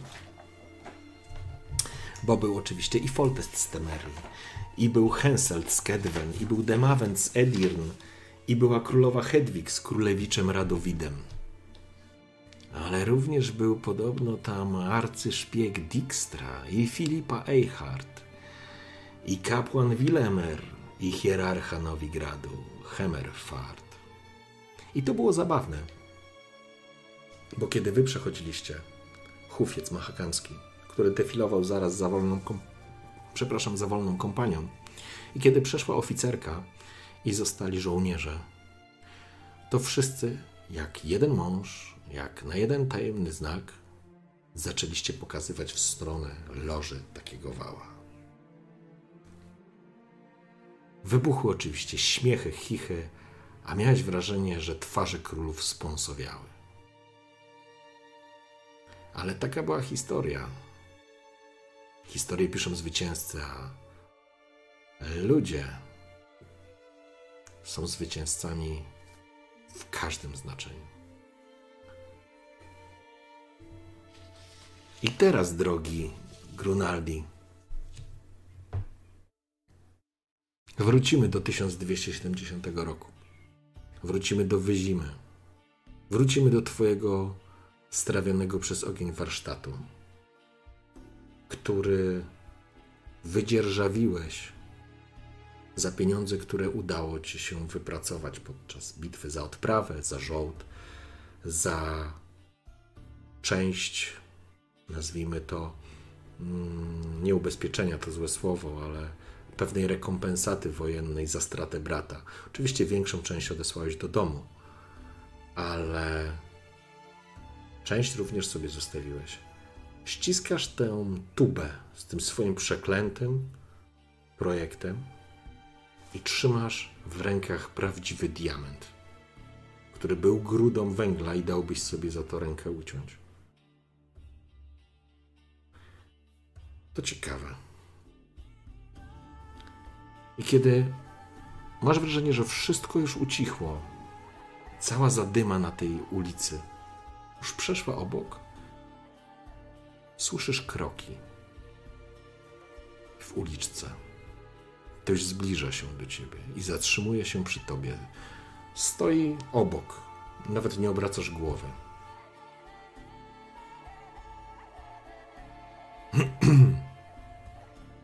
Pan Grunaldi Hork?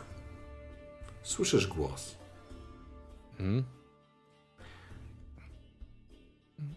Obracasz głowę. Przed tobą stoi mężczyzna. Człowiek. Wysoki, dobrze zbudowany. Ma na twarzy, ma e, ciemne, upstrzone siwizną włosy. Ma bardzo dokładnie i równo przyciętą brodę. Ma na sobie strój podróżny, ale nie wygląda na wojskowy, chociaż przy pasie ma miecz. A jego postawa i sposób, by. No, postawa, którą przyjął, ewidentnie zdradza, że jest wojskowym, albo że był wojskowym. Mhm. Czy Grunaldi Hork? Czego? Nazywam się kapitan Ralen. I jestem kapitanem. Uśmiecha się. Czy możemy chwilę porozmawiać? Kapitan Ralen, kapitan Ralen, kapitan Ralen, chodzi ci po głowie. Chodzi ci po głowie, chodzi ci po głowie. Masz wrażenie, że słyszałeś to nazwisko? Tak, na pewno je słyszałeś. Ono się przewijało podczas, podczas wojny. Tylko, że jesteś prawie pewien, Grunaldi, że wtedy to był chyba sierżant, Ralen.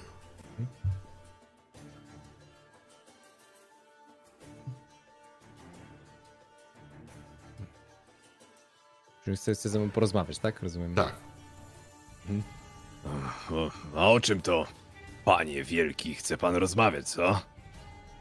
Nie jestem panem i nie jestem wielkim. Jestem kapitanem, to wszystko. I szukam takich postaci jak pan, panie Hork. Szukam pomysłowych, zdolnych i nie bojących się jutra krasnoludów. A jak patrzę, spogląda się na twój spalony dobytek, Chyba nic pana już tu nie trzyma, panie Hork. A ja oferuję. Daję szansę życiową. O, to jest dobre określenie. Szansę życiową? O czym ty gadasz, panie? O co ci chodzi? Mów prost, a nie. Dobrze, zapomniałem, że z wami krasnoludami należy rozmawiać wprost. O głupia ludzka maniera. Proszę o wybaczenie. Ale wolałbym nie rozmawiać na środku ulicy. Chodźmy. Jeszcze pewnie w Wyzimie znajdziemy miejsce, gdzie możemy spłukać gardło jakimś piwem. I trochę panu opowiem, panie Grunaldi. Stawia chociaż pan? W tej sytuacji, uśmiecha się spoglądając na twój spalony dobytek, byłbym ostatnim kiepem, gdybym nie postawił.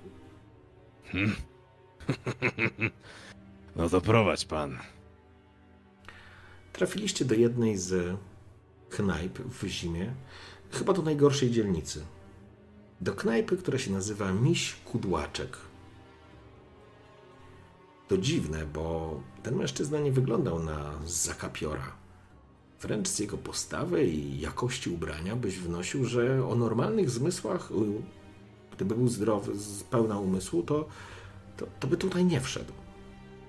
Ale kiedy siedzieliście w jednej z takich oddalonych, przy oddalonych stolikach, które dawało ci trochę dyskrecji, wam, kapitan Ralen, który faktycznie był człowiekiem i jakby o bystrych oczach, kiedy wypiliście, ty spłukałeś, że tak powiem, spaleniznę.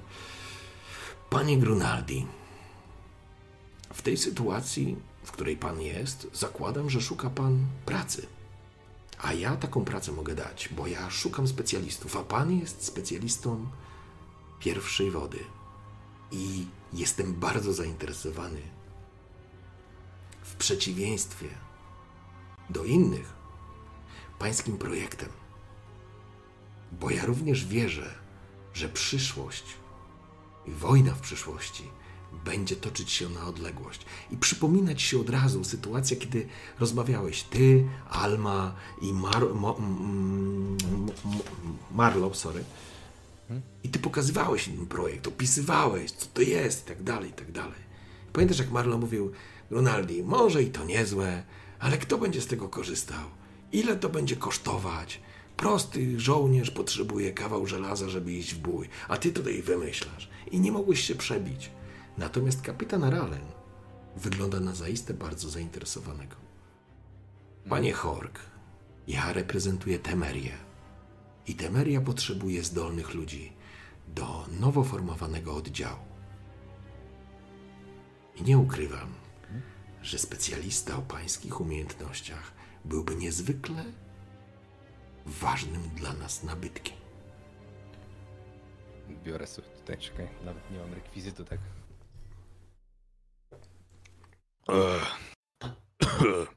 I co? I nagle teraz wszyscy zainteresowali się moimi wynalazkami. Panie Hork, nie wszyscy, tylko ja. W służbie jego królewskiej mości króla Foltesta I, etc., etc. No, proszę wybaczyć, zapomniałem się ukłonić. Nie A, potrzebuję, czym niby to... nie potrzebuję ukłonów, panie Hork. Na czym ta nasza współpraca miałaby polegać, panie... Ralen. Pan jeszcze... Ralen, Panie Ralen. kapitan Ralen. Panie Hork, Proponuję panu bardzo intratny interes i dobrą pracę w dobrym i zbożnym celu. Pracę dla wywiadu temerskiego. Pochyla się do ciebie, mówiąc to bezpośrednio ci wiesz w twarz, utrzymując bardzo bliski kontakt wzrokowy. Tego typu oferty są życiową szansą, a życiowe szanse i tego typu oferty mają to do siebie, że niewykorzystane potrafią się strasznie mścić. A ja potrzebuję pańskich umiejętności, pańskiego otwartego umysłu, bo w naszej pracy nauka i technologia idą w parze. Do wywiadu? Ciszej, panie Hork, ciszej. Uśmiecha rozglądając się po... Ja mam, zostać jakimś donosicielem? No To, to, może jeszcze mam dupą panu tu zagwizdać, co?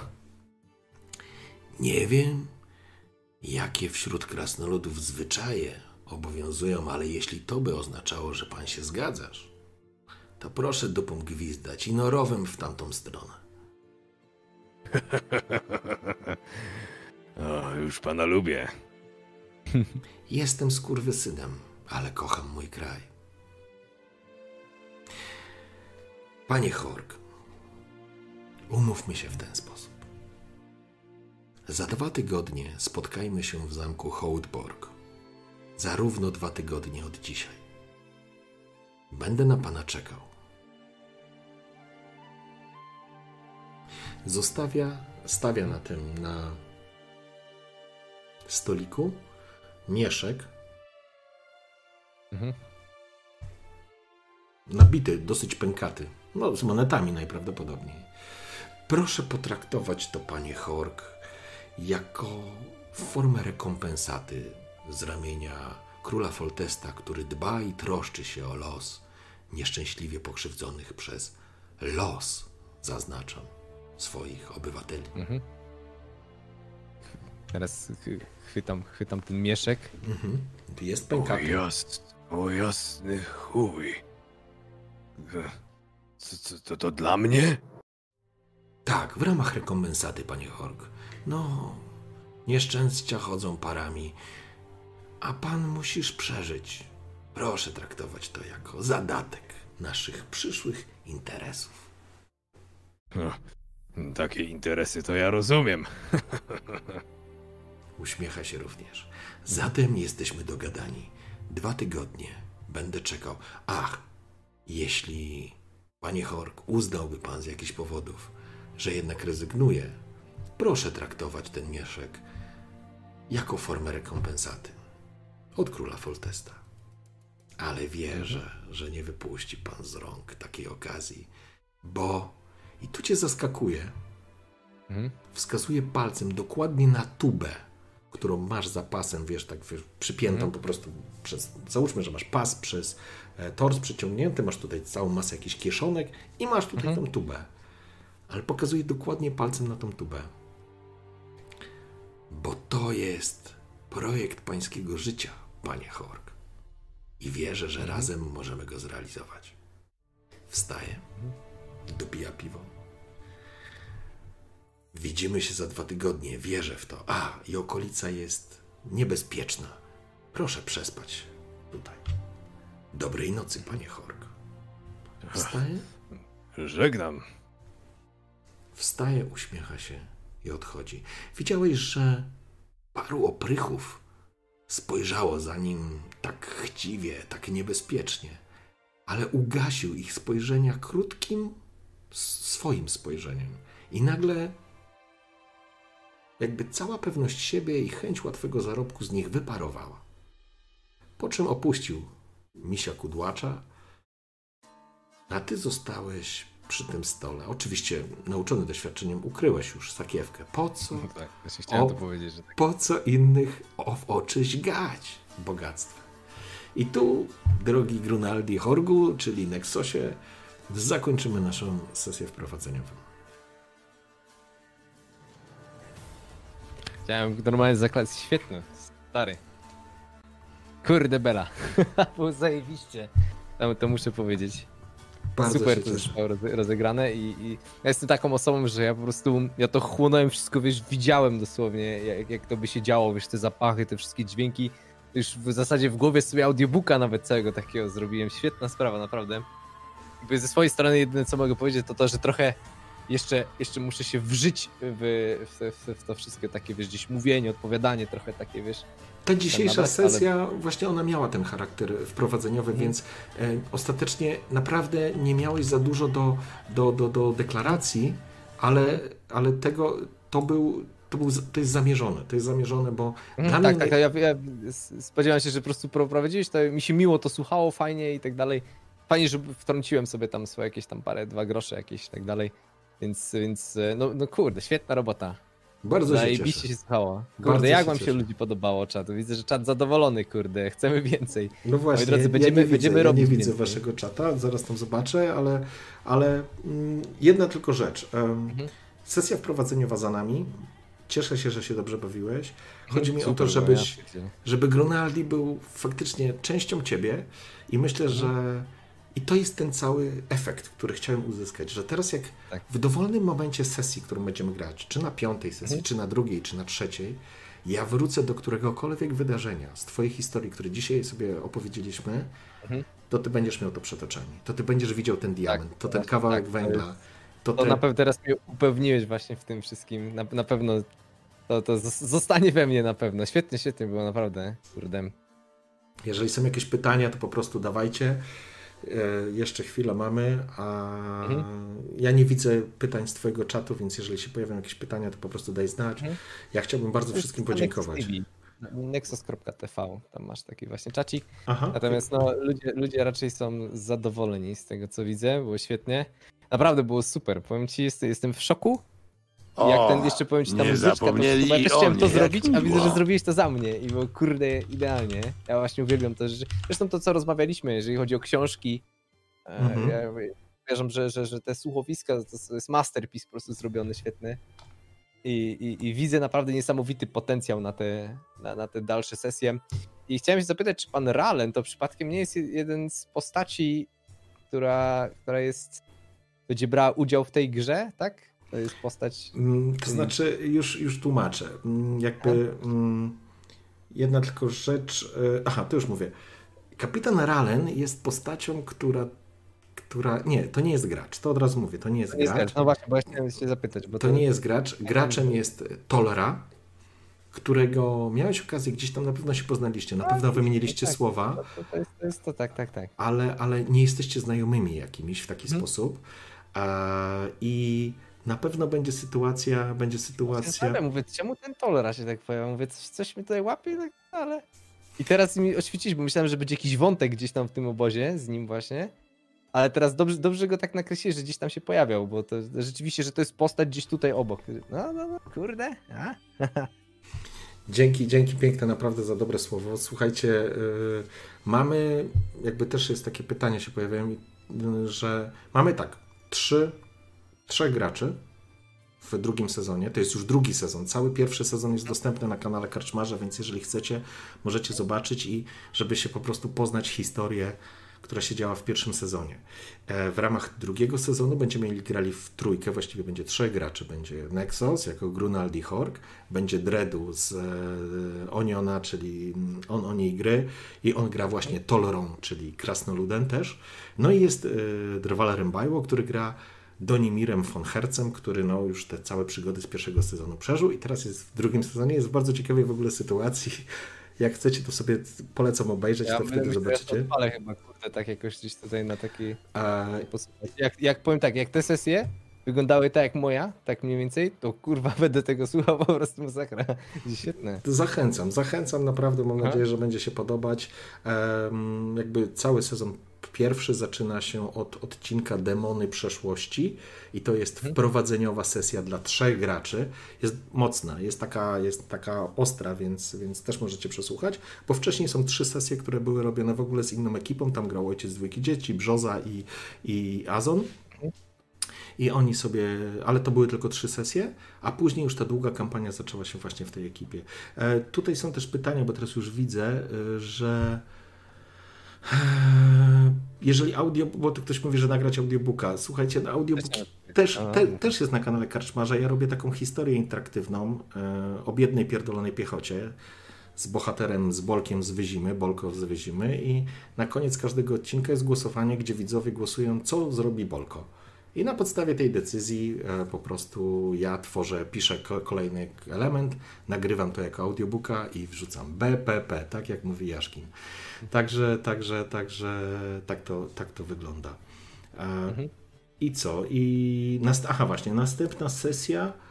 E, nas, kurde, miło, miło, miło się to czyta. E, następna sesja jest już oficjalnie zaplanowana na 1 ś- lipca. Godzina 20, tak samo, 20.30 będzie start i wtedy już wchodzimy dwa w do- tygodnie, Tak, tak, tak, co dwa tygodnie. Dlatego, moi drodzy, ten motyw za dwa tygodnie, że się widzimy tam w tym zamku, tak? A, kurde, taki smaczek. Także zobaczycie, zobaczycie, jak będzie się działo. No i to już będzie taka normalna sesja, gdzie, gdzie już masz pełną decyzyjność i tak naprawdę podejmujesz decyzję. i- Jest solo, czy, czy, czy jeszcze będzie? Jeszcze To już, solo to, będzie, tak? nie, nie, solo już nie będzie. E, My sobie ustalimy poza sesją jakby takie elementy fabularne, które miały miejsce, które, żeby przeskoczyć po prostu już do konkretnego wydarzenia. Um, I już następną sesję zagracie albo we dwóch, ty i Dredu, czyli Mhm. ten drugi krasnolud, bo, bo wy będziecie musieli No tak, trochę tak. zespoilować, ale dojść do, do Denimura i mu, i mu pomóc. I mu pomóc ostatecznie.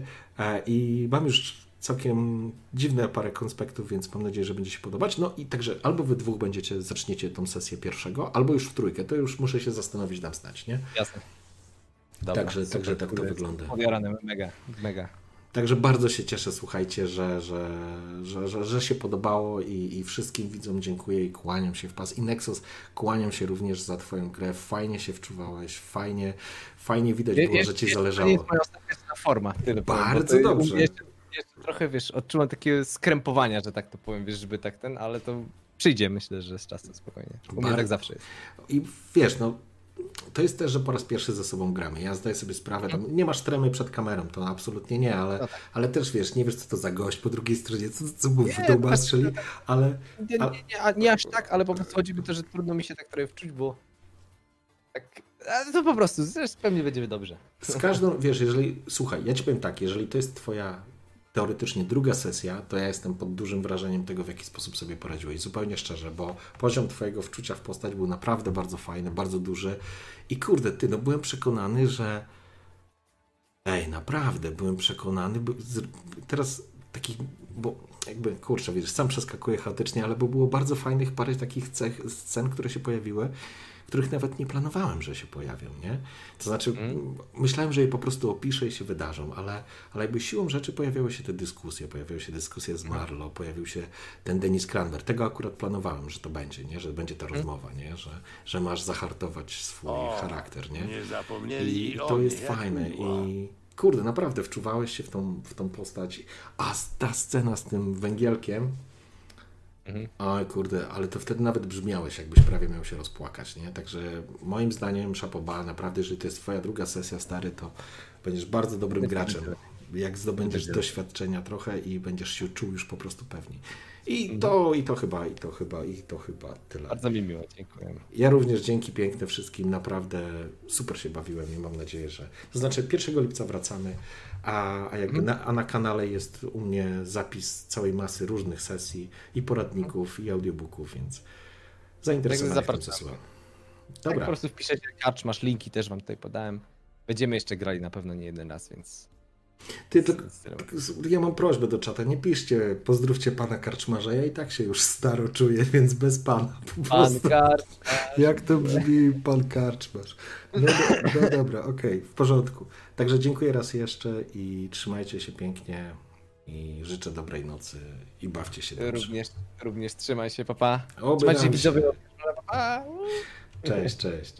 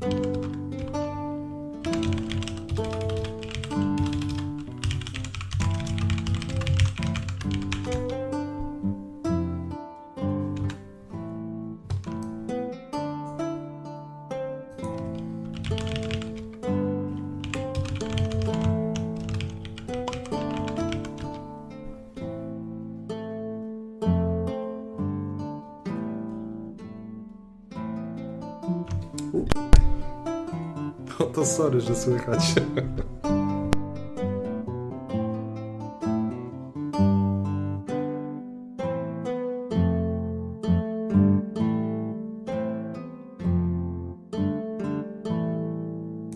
No tak zrobię, no bo przecież... Nie to, nie to. Teraz to się zrobiło. O to. No właśnie. Luzik. A teraz mnie nie słychać? Nie, słychać chyba. Słychać mnie, nie? Słychać mnie czy nie? No dobra, także słuchajcie, bardzo dziękuję pięknie wszystkim za to, że byliście. Mam nadzieję, że Wam się podobało. I, i, mamy, I mamy już trzech bohaterów wdrożonych. To jest niesamowite, bo naprawdę nie wiecie, ile czasu musiałem em, zastanawiać się, w jaki sposób wdrożyć m, postać Nexosa, żeby nie zrobić dubletu, nie? żeby nie było tego samego, co było u sesji na Toler, u, u Tolery, bo, no bo, no bo no bo ostatecznie przecież, kurczę, wiesz, te wydarzenia, wiecie, te wydarzenia były te same, nie? Także, także dzięki piękne wszystkim i mam nadzieję, że się dobrze, dobrze bawiliście. Dzięki Blirdev i dzięki za, za, za follow i za słupka. Także nie no, drużyna będzie fantastyczna. Dwóch krasnoludów i jeden donek. A mam, słuchajcie, przygotowałem taki patent. Będzie tak totalnie odjechany patent, że mam nadzieję, że nie przydebrzyłem. Sami ocenicie zresztą już, już, już niedługo. Jest tak pokur, e, pokur, wkurzo, a, będziecie widzieć. Także superancko, super, super, super i bardzo, bardzo się cieszę i, i co? No i, no i obiadam się i teraz już idziemy już spać. Ja idę się czegoś napić. Na razie, trzymajcie się, hej, papa. A właśnie, e, Egonik, e, pod koniec miesiąca, aha, to wiesz co, w przyszłym tygodniu, pod koniec miesiąca. Z końcem miesiąca będzie losowanie sesji dla patronów. Będziemy grać w dedeczki w lipcu. Mhm. Koniec, koniec, koniec miesiąca Egonik. Trzymajcie się. Pa, pa, pa, pa, pa.